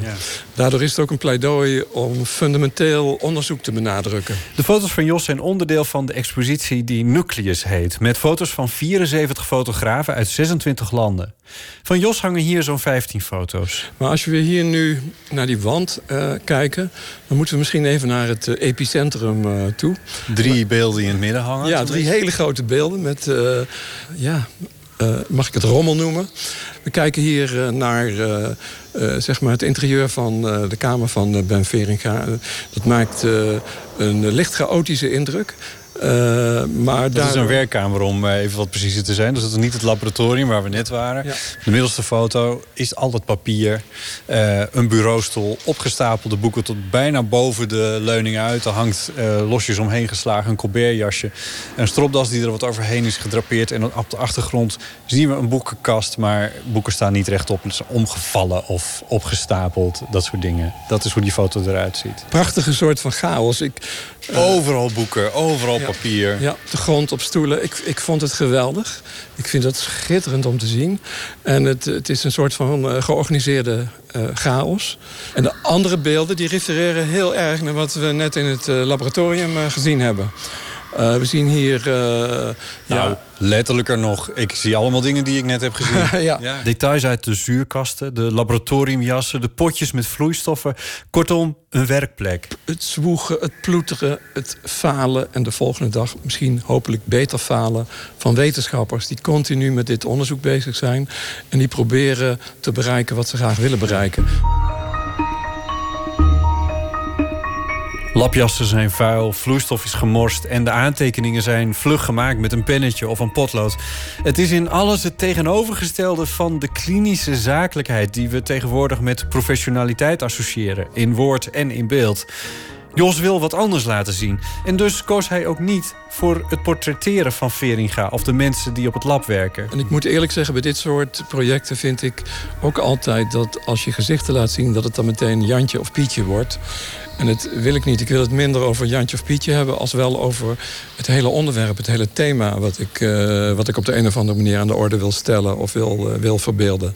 Dus daar heb ik deze methode voor gekozen. Wat we zien hier is feitelijk natuurlijk de keuken van Ben Veringa. Ja. Ja, hij vergelijkt het soms ook met een soort van koken en braden. Wat je in die keuken doet en waar je stofjes maakt. eh, eh, en en, en eh, chemische verbindingen losmaakt en weer wel met elkaar verbindt. En op die manier ja, zeg maar, nieuwe moleculaire samenstellingen te vinden. Die, die werken zoals je graag wil dat ze werken. Michael, mag ik je nog, nog wat vragen? Heb, Ja, heb, heb, heb jij Jos aan het werk gezien? Ja, nou, hij, hij heeft hier eh, meerdere dagen in het lab gelopen, Ja. dus eh, absoluut. Ja. En heb, heb jij dan wat aan hoe hij naar jullie werk kijkt? Nou ja, het is een hele creatieve manier om naar ja, eigenlijk heel abstract werk te kijken. Dus dat is voor ons ook wel heel leuk om een keer vanuit die invalshoek ernaar te kijken. Normaal kijk je als chemicus puur naar ja, wat gebeurt er met het molecuul. Eigenlijk heel erg rationeel, heel abstract. En nu is het meer ook van ja, eigenlijk is het, hij laat ons eigenlijk zien hoe mooi het is eh, wat je doet. Ook gewoon visueel. Ja. Terwijl ja, ja, op dagelijks niveau denk ik daar niet bij na. Nee, precies. Dan ben je veel meer met de wetenschap bezig. Ja. met dat iets. Lijkt me ook wel goed trouwens. Ja, misschien wel, hè? Ja. Absoluut.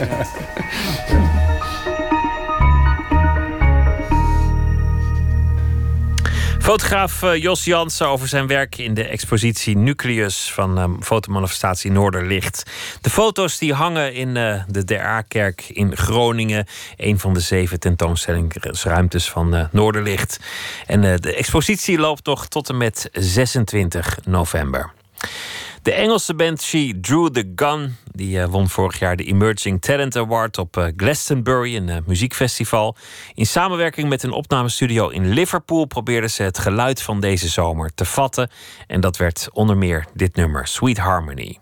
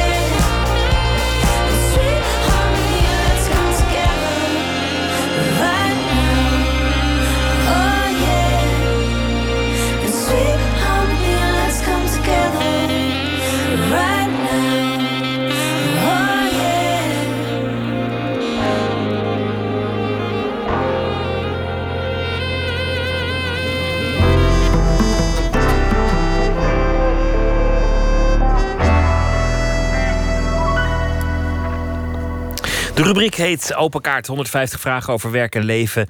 En te gast is eh, schrijver en programmamaker Tim den Beste.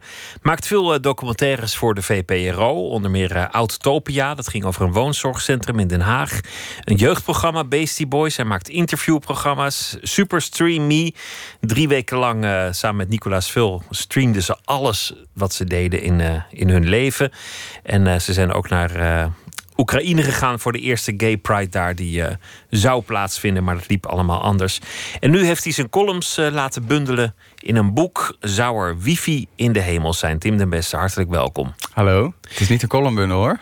Vind je het geen columnbundel? Ja, maar ik heb heel veel van die stukken al eerder gelezen. Ja, maar ik denk dat de helft, uh, zeker de helft is nieuw. Oh, ik dacht dat, zijn dan, dat zullen dan ook wel oude columns zijn. Nee, nee, nee, nee, nee. Zeker nee. Ik heb uh, het thema tijd van het boekje. Daarvan heb ik uh, columns bij elkaar gezocht die daarbij zouden passen. Maar er is toch ook wel echt heel veel nieuw. Dus het is niet echt een column. Het is een boek. Een boekje. Boekje. Ik noem het een boekje. Boekje. Boek, boekje klinkt heel erg als, als iemand dat tegen iemand anders zegt. Ja? Boekje. Dan, dan denken ze, oh, nou, die heeft niet echt zijn best gedaan. Oh nee, ik bedoel meer van, ik vind dat je pas mag zeggen dat je een boek hebt geschreven als je een roman hebt geschreven. Ja, dat is waar. Zes, 600 bladzijden om te beginnen. Ja, precies. Het, ik ontdekte al eigenlijk een, een paar dingen die in al jouw werk terugkomen. Namelijk, je, je, je, je vat de tijdgeest. Alle, alles gaat in zekere zin over de tijdgeest. Je maakt het heel persoonlijk. Je, la, je laat altijd iets zien van jezelf. Je neemt zelf ook een soort risico. En een zekere snelheid. In al jouw werk zit een zekere mate van vaart. Die drie dingen. De, de methode ten beste noem ik het bij deze. Uh, herken, herken, je daar iets in? Of, of is er geen methode nou, beste? Ik vind het heel grappig dat je dit zo zegt. Want ik, ik, ja, ik typ gewoon uh, dingen. En uh, ik weet eigenlijk niet precies hoe mensen daar naar. hoe mensen dat lezen en hoe ze dat opvatten. af en toe lees je natuurlijk wel wat mensen daarvan vinden. Maar dan is het vaak niet meer dan 140 tekens. Of meestal is het gewoon leuk of kut. Leuk of kut, ja. zo snel gaat dat. Dus ik vind het... Uh, nee, ja. Dit ja. is al meer analyse dan je ooit gekregen ja, hebt. Ja, precies. Dit is het mooiste moment van mijn leven. Uh, ik, ik denk... Uh, ja, het is niet zo bewust dat je zegt... Het, moet, het gaat altijd over de tijd en het altijd over mezelf. Dat gaat denk ik een beetje vanzelf. Maar het gaat wel altijd met een zekere vaart. Bedoel je dat alles, het, alles wat je doet? Dat het, bedoel je dan dat het snel geschreven is? Of dat het, uh, hoe zeg je, dat je het snel leest? Of? Snel geschreven, een, een, soort, een soort vlotte trant. Het zijn Ja. niet, niet lange uitgesponnen zinnen die, waar, je, waar je heel lang op moet, moet kouwen. Ja. Maar het wekt ook de indruk dat je, dat je iets hoort en meteen denkt: ja, dit, dit wordt hem. Uh, of, of zit je echt te worstelen met, met die teksten? Nou, ik probeer wel, ik probeer uh, niet uh, ingewikkelder te schrijven dan nodig is. Want je kan heel erg uh, soms mensen, die, mensen die, die dingen schrijven, kunnen vaak heel soort heel ja, zo heel ja, bijna als een musical dingen gaan opschrijven. En ik betrap me daar zelf soms ook wel op. en dat wil ik juist niet doen. Het moet juist een beetje ja. ja, een beetje simpel zijn. Of ja, gewoon precies wat jij bedoelt, denk ik. Dat je, dat je het snel kan lezen. En dat het snel tot de kern komt. En dat er niet te veel soort versiersels uh, omheen zitten. De ene keer uh, vang je gewoon flarden van, van teksten die je in de tram opvangt. Of, of op een andere plek. En dan, dan heb je gewoon een soort dialoog tussen mensen die, die, die eigenlijk alle clichés van, van het moment pakt. En het andere moment uh, typeer je iets. Quinoa kutten heeft zelfs de vandalen gehaald als, als woord. Maar er zijn ook momenten dat, dat, je, dat je jezelf kwetsbaar opstelt. Dat, dat, je, dat je echt iets van jezelf laat zien waarmee je maar ja, toch een zekere kwetsbaarheid prijsgeeft. Um, ja, dat gaat ook een beetje uh, vanzelf tot op zekere zin. Uh, tot op zekere hoogte. Uh, ik um, vind het ook leuk om te doen. En het, ja, het gebeurt ook gewoon een beetje. Uh, ik heb dus best wel liefdesverdriet gehad, zoals je misschien Ja. hebt kunnen lezen. En uh, ja, die gedichtjes die waren niet per se voor dit boek bedoeld, boekje. Uh, maar ja, die heb ik echt geschreven omdat ik gewoon echt heel verdrietig was. Maar je durft ze wel te delen. Er, er is geen moment dat je denkt van nou, dit hou ik even voor mezelf of dit, dit hoeft de menigte niet te weten. Zeker wel. Sterker nog, wat ik eigenlijk aan het einde, de, de, de, de het laatste stukje schrijf, dat ik uh, dat. Uh, dat ik misschien wel spijt ga krijgen tussen het stuk dat ik schrijf, wat, waar ik mijn boek mee afsluit. Ja. en dat, het moment dat het boekje uitkomt. Dus dat is nu. eh, dat ik misschien spijt zou gaan krijgen van de gedichtjes die ik eh, in het boekje heb gezet. Eh, En dat is ook al gebeurd. nou, nee, ik heb er zeker geen spijt van. Maar ehm, als die gedichtjes en die persoonlijke dingen er niet in hadden gestaan, was het niet zo spannend geweest eh, als morgen de boekpresentatie is, eh, dat mensen dat gaan lezen. Dat zit in, jouw in jouw televisiewerk ook. Bijvoorbeeld Superstreamy, dat is denk ik het duidelijkste voorbeeld, maar ook andere dingen.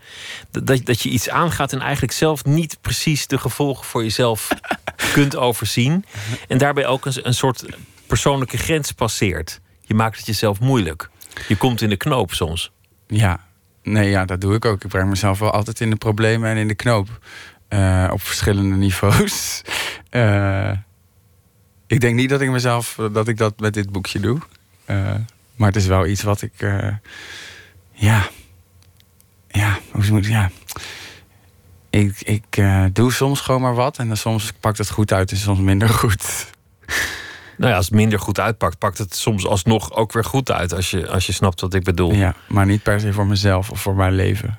Maar voor, leuk om naar te kijken. Nou, ik vond Superstreamy het feit dat jullie het niet volhielden. Het feit dat jullie vastliepen. Dat, dat, dat maakt het ineens een razend in, in- interessant experiment. Ja. Als jullie dat gewoon van begin tot eind hadden afgemaakt. Alles filmen wat je doet. Van, van, van, eh, van de wc tot seks tot, eh, tot persoonlijke gesprekken. Alles. Dronkenschap maakt niet uit. Ja. Als je dat volgehouden, dan had ik misschien als kijker nog wel gedacht van... nou ja, dat, dat, daar zat toch een soort berekening in. Maar het feit dat jullie dachten... Ja. fuck, ik, ik, ik trek dit niet meer. Ik moet hiermee stoppen. Maar ik vind het grappig dat je dit zegt. Want er zijn heel veel mensen die dachten dat dat juist net was. Dat we ermee stopten.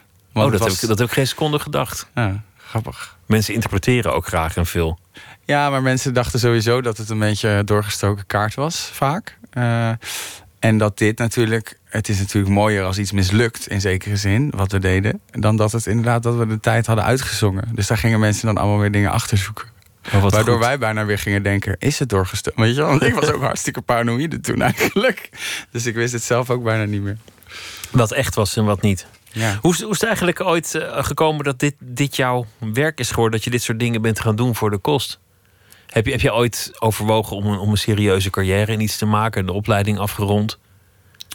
Nee, de enige opleiding die ik heb afgerond is VMBO. En eh, eh, nee, ja, toen ben ik, eh, ik ben gewoon een beetje gaan werken. En een beetje van het een in het ander gerold. Ik bedoel, ik heb, weet ik veel. Ik, toen ik twintig was, was ik, was ik tekstschrijver bij Jensen. Moest ik grapjes van Jensen bedenken voor dat tv-programma. Ik heb een maand bij Shownieuws gewerkt. Maar toen was ik ontslagen omdat ze me letterlijk, quote, arrogant en ongeïnteresseerd vonden. wauw. Dat heb ik nog heel lang op mijn cv laten staan, die zin. Eh, eh, en op een gegeven moment bij de VPRO terechtgekomen. En toen is het eigenlijk pas goed gekomen. Maar eigenlijk gewoon bij, bij toeval erin gerold. En, en eh, wat, wat je doet, dat is gewoon wat je eigenlijk al deed voordat het je werk was. Ja, nou een beetje wel. Ik schreef graag. Ik maakte vroeger filmpjes of televisiestudiootjes van Lego. Ik bedacht verhalen. Gewoon, ik was een beetje zo'n jongen. Eh, maar nu klinkt het ook een beetje alsof ik allemaal maar een beetje... alsof, het, alsof ik maar wat doe en dat het me allemaal is overkomen. Maar ik ben ook wel... Ik wil ook wel bepaalde dingen. Ik ben ook wel ambitieus in een bepaalde zin. Naast mijn luiheid. En er wordt ook wel over nagedacht. En er wordt ook wel eh, gestreefd om het zo goed mogelijk te krijgen. Het is niet een, eh, een bevlieging elke keer of zo. Nee, nee, ik denk wel dat ik... hem- Ja, het is een beetje zo dubbel. Eh, ik merk wel vaak dat, dat dingen die ik maak of die ik schrijf... eh, niet per se op de ander zo overkomen zoals ik het heb bedoeld. Eh, Dat, dat, geldt voor iedereen, denk ik. Dat is altijd. Ik heb op de een of andere manier bij mij het idee dat ik toch misschien net nog iets meer niet helemaal. ja, naar dingen kijk zoals een ander er misschien naar zou kijken. En dat dat tegelijkertijd iets is waar ik heel blij mee moet zijn. En wat tegelijkertijd ook soms wel een beetje lastig is. Zullen we beginnen met de kaartenrubriek? Ja. Heb je, eh, als je een vraag wilt trekken, alsjeblieft. Oké. Ben je het. Oh, wauw. Ben je het type van de harde breuk of van vriendschap met je ex? Nou, heel toepasselijk. Wauw, zijn deze vragen allemaal hetzelfde? Nee. Oh nee. Ehm, nou, oef. Die harde breuk. Harde breuk. Wa- Was dit een harde breuk, zou je dat, zou je dat zeggen nu al? Ehm, ja, op dit moment is het dan een harde breuk. Ja, helaas. Want hoe staat het nu eigenlijk met je liefdesverdriet? Is, is, is dat al slinkende? Of, of, eh, ik, ik weet met zo'n boek, ja, er zit altijd een, wat tijd bij de drukker tussen en zo. Is, is het nog vers? Ehm, het, is, eh, het is een beetje gaan slijten. Dus het is niet meer zo. eh, de pijn zit niet meer zo aan, aan de oppervlakte, zeg maar. Eh, maar het is nog steeds overal. Alleen het, ga- het gaat wel veel beter. En eh, ik, ik heb nu een beetje zo sinds een paar weken dat ik soms denk: oh, ik voel me eigenlijk best wel goed. Het gaat eigenlijk wel weer. Ja, Ja. zeker. Wat dan ook weer trouwens pijn doet. Dat je denkt, dit gaat dus gewoon voorbij. Eh, dus dat je eigenlijk pijn hebt omdat het niet meer zoveel pijn doet. Eh, en ik vind aan het boekje heel grappig. ehm, het voelt bijna soms eh, nu. Ik heb dus gisteren het boekje van de uitgever gehaald. Dan heb je het voor het eerst in je handen. Toen heb ik het nog een keertje zo doorgelezen. En ehm, die, die, die eh, gedichtjes die ik toen echt in pijn schreef, die staan nu in dat boekje en het is een paar maanden later. Eh, het voelt bijna alsof ik een brief naar mezelf heb gestuurd. Een soort tijdcapsule. Een tijdcapsule. Eh, wat ik helemaal niet van tevoren had bedacht. Want ik wilde een boekje over tijd schrijven. Over de tijd. De tijd die voorbij gaat. De tijd waarin we leven. En toen dacht ik ineens... Oh, maar ik heb ook inderdaad een soort tijdcapsule bijna aan mezelf gegeven. Dat ik nu die, die gedichtjes lees van toen ik echt verschrikkelijk verdrietig was. En nu is dat niet meer zo. Maar liefdesverdriet is ook een bijna psychotische conditie. Het is verschrikkelijk. Het, het, het is volgens mij een van de ergste dingen die, die, die er zijn. Het is, het is vergelijkbaar met rouw. Misschien dat rouw langer blijft doorgaan. Ja. hè, Dat dat minder, minder goed slinkt. Maar eh, het is even urgent. Rouwen om een levend lijk, zei iemand tegen mij. Wauw. Ja, Dat dat is is, ook wel echt wat het is. Trek nog een kaart als je wil. Even naar achter. Wat is je gemoedstoestand op dit moment? Ehm, opgewonden. Vanwege het boek? Ja. Voor morgen, dan is de boekpresentatie. En vrijdag ligt het als het goed is in winkels. Als ze hem hebben besteld. Ehm, ja, ehm, ja, wel blij. En eh, spa- ja, spannend is niet gemoedstoestand. Maar, eh, ja, wel eh, positief. eh, ik, ja, ik ben nee, hoe zeg, ja, gewoon blij. Ik ben wel blij en opgewonden voor wat er gaat gebeuren. En wat mensen vooral gaan vinden van het boekje. Laten we nog een kaart doen. Wat is er falikant mislukt? In mijn, in mijn werk? Of in mijn leven? In je leven, laten we dat doen. Oei, nou, en in je werk. De liefde is mislukt tot nu toe. Ja, met allemaal. Met allemaal je weet nooit wat er om de hoek is. En, en wat is er mislukt in je werk? Wat, wat vond je nou echt van al die projecten dat je dacht: oh shit, dat had ik niet moeten doen, niet zo.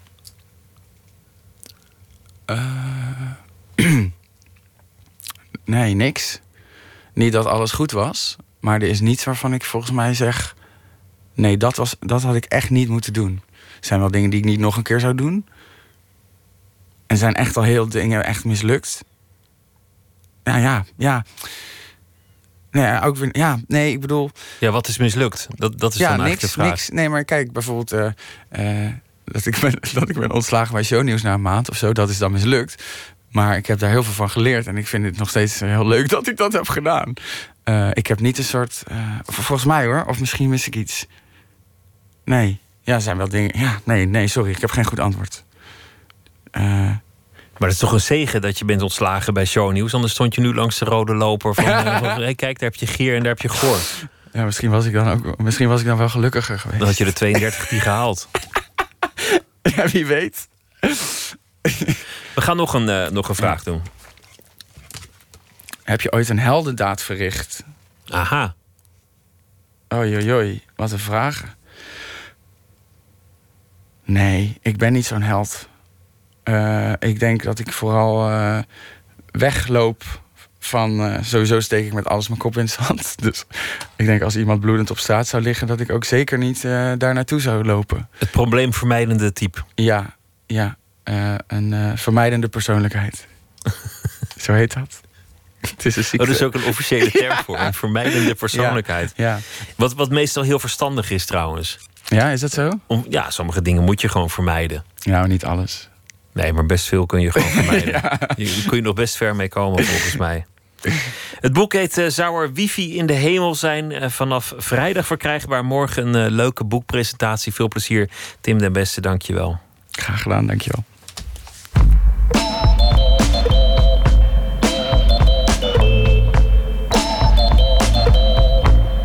Medicine woman, have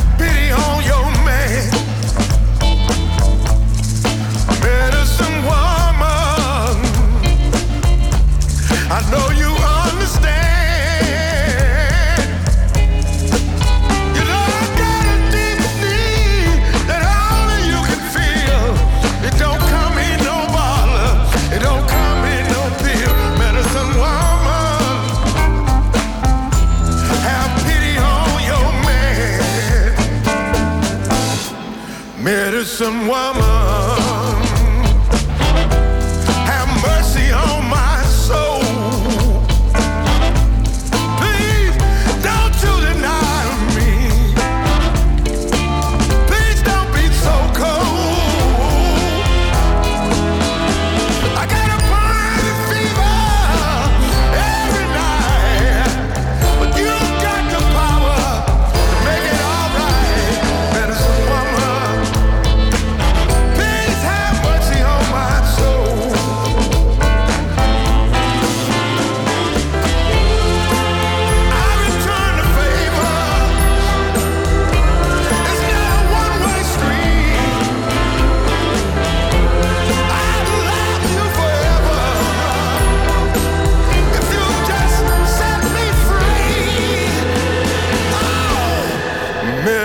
Woman,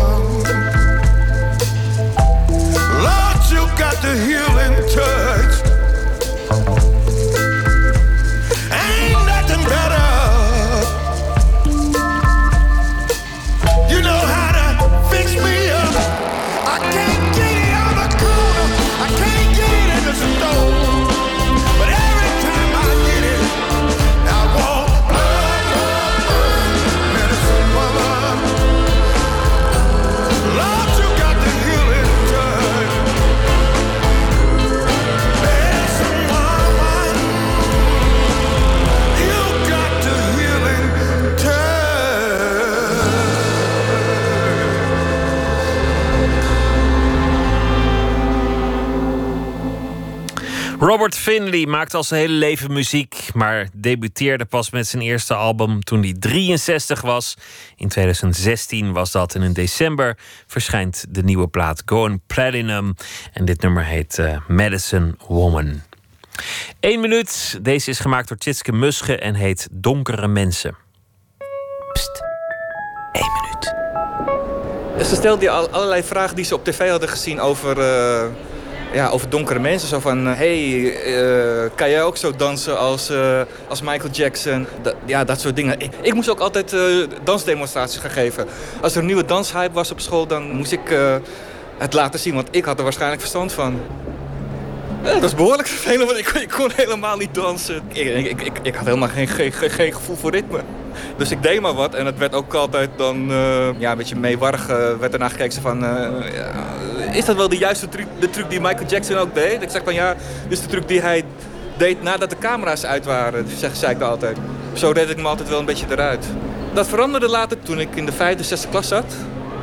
En er ehm, iets meer migranten in het dorp kwamen wonen. Want hoewel ik er wel een beetje zat was, vond ik het toch niet zo leuk dat er ook andere zwarte eh, kinderen in de klas kwamen zitten die ook iets speciaals eh, konden. Maar naarmate zij die aandacht kregen, dan had ik iets van, oh ja, mooi. Nu, nu zijn, laat ze mij een beetje met rust en eh, toen vond ik het wel prima.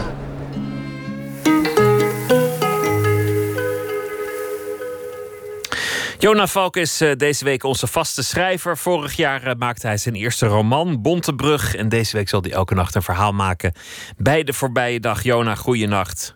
Goeienacht, Pieter. Weer een dag voorbij, ze, ze vliegen eruit. Ja, best wel, ja. Gisteren ging het over eh, MeToo en eh, de onthullingen die, eh, die maar blijven volgen. Wat is vandaag het thema? Vandaag gaat het over de boven- en onderwereld, over zwart geld. Een klein pleidooi voor zwart geld. Ga je gang. Gisteren heeft de politie meerdere invallen gedaan bij geldkantoren in het hele land. Een woordvoerder zei over deze schimmige zaakjes tegen de NOS... ze verzieken de wijk, onder- en bovenwereld raken vermengd met elkaar... en het foute geld drukt de eerlijke economie weg. Je kunt je afvragen of de economie wel bedoeld is om eerlijk te zijn. In elke stad vind je straten vol met belwinkels. De klanditie lijkt er soms ver te zoeken, al hangen er vaak veel mensen rond. De NOS meldde dat de politie niet uitsluit dat er veel kantoren dicht moeten. Ik zou dat betreuren. Het is denk ik gezond om soms langs iets te lopen waarvan je vermoedt dat het niet koosje is. Zoals je in een roman begrip toont voor een afschuwelijk personage... of onbegrijpend naar een schilderij van Francis Bacon kunt kijken. Daar waar de kleinburgerlijkheid begint, stopt die vrijheid. Afgelopen zomer liep ik met duizenden euro's zwart geld over straat. Ik waande me toen een gewillig slachtoffer voor straatrovers. Maar misschien rook men de armoede meer aan mij dan ik door of lief had. Die dag werd ik niet beroofd, maar ik betaalde de huurbaas. Met de bezetenheid van een kind telde hij de ducaten. Je zou hem een huisjesmelker kunnen noemen, maar mijn geld maakte hem zielsgelukkig. Ik meende zelfs sterke affectie bij hem te bespeuren tijdens het tellen. Daardoor voelde ik me een rijk mens, al zag ik mijn vermogen slinken. In een wereld waar alles om geld lijkt te gaan, is de liefde soms ver te zoeken. Geld is zelfstandig en koud, maar gaat een aantrekkingskracht van uit die op warmte lijkt. Over het eh, zwarte geld en eh, de wereld eh, van boven en de onderwereld die met elkaar vermengd raken. Mhm. Dat is volgens mij wel, wel aan de hand. Om, om Baudelaire te citeren, die, die zei al ooit: Achter elk groot kapitaal schuilt een groot misdrijf. En als ik tegenwoordig iemand in een, in een veel te dure auto zie rijden, dan denk ik eerder aan een misdadiger dan aan een voetballer. Ja, Wat Maar ook iets dat- over mij zegt hoor, maar ja, dat is waar. Maar ik vind het wel gezond dat je daar af en toe eh, mee geconfronteerd wordt. En zulke belwinkels vind ik vrij onschuldig. Ja, je weet niet eh, wat er allemaal aan vooraf gaat natuurlijk, maar ik vind het wel lekker, dat hoort er wel bij. Dat, eh, je houdt wel van een, van een, van een beetje ranzigheid en schimmigheid. Ja, dat mag wel, natuurlijk. Als de, de een moet niet de, de overhand nemen. Dan, eh, dan is het goed. Als het allemaal zijn plek kent, dan voor mij mag het er dan allemaal zijn. Ja, maar als het echt de gewone economie weg gaat drukken, dat, dat bepaalde artikelen echt alleen nog voor criminelen zijn en er ook niet meer echt een legale weg is om, om daar te komen, Ja, nou ja, dan wordt het zorgelijk. Volgens mij om eh, belasting en dat ze geen controle hebben. Dus dan denk ik, ja, laat ze dan een beetje spelen. Toch? Oké, nou ja, een relativerende noot kan altijd. Jona, dankjewel. Goeienacht. Tot morgen. Ja, jij ook. Doei, tot morgen. Deze week verschijnt het nieuwe album van eh, de muzikante Julian Baker. En dit nummer zal erop staan: Turn Out the Lights.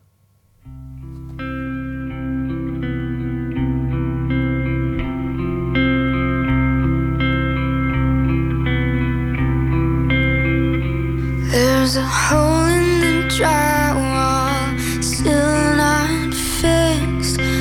just haven't gotten around to it. And besides, I'm starting to get used to the.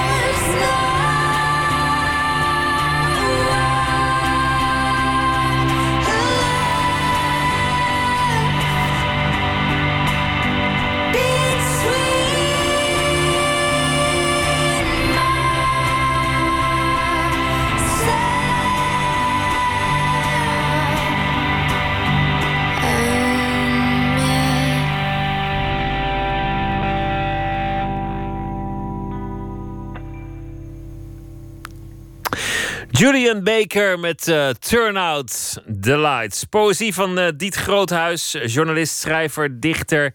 En eh, dit gedicht heet Heksenkost.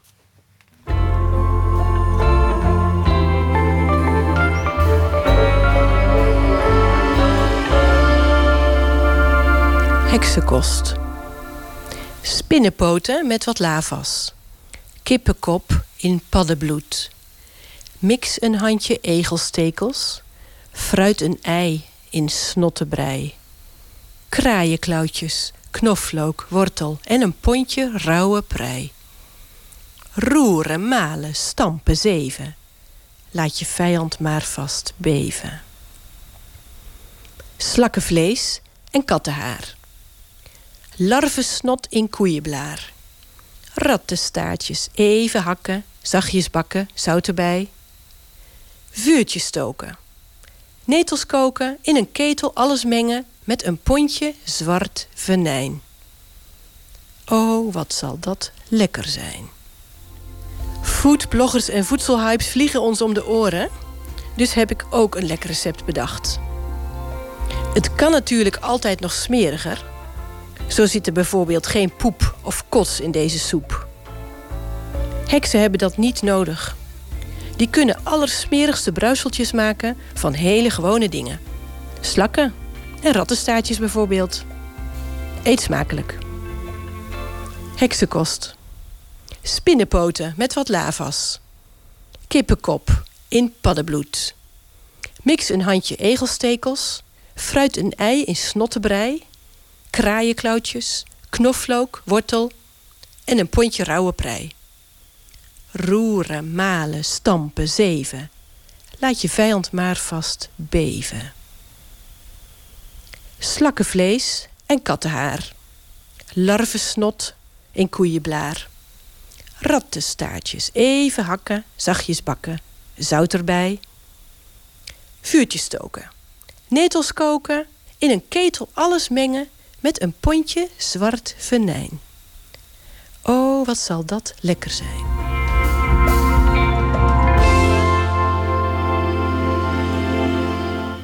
Diet Groothuis las het eh, gedicht eh, Heksenkost. Ik moet het wel eh, goed zeggen. Maar goed, inhoudelijk maakt het weinig uit. Aquilo is hier. Dat is een Britse formatie. En dit nummer heet Thin.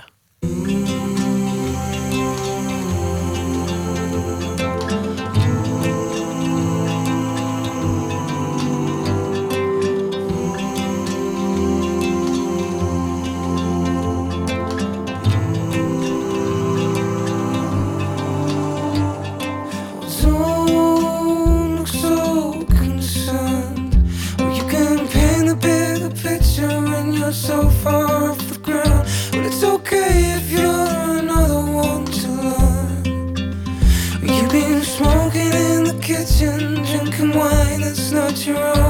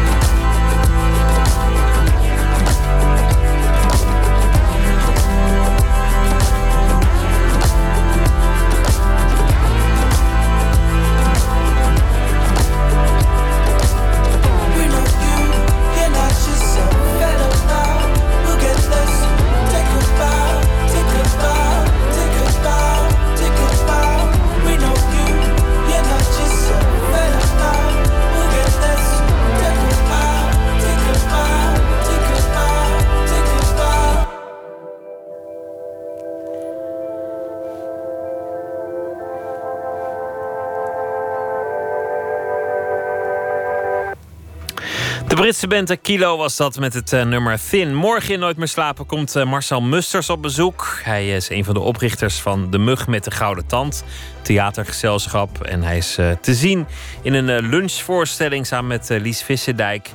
Buik heet het, geschreven door Aaf Brand Korstius. En morgen gaan we praten over zijn werk en leven als acteur. En over heel veel andere dingen.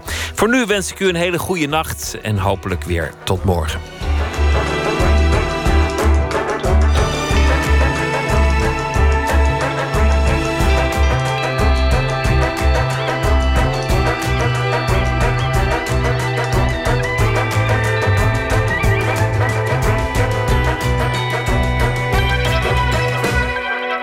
Radio 1, het nieuws van alle kanten.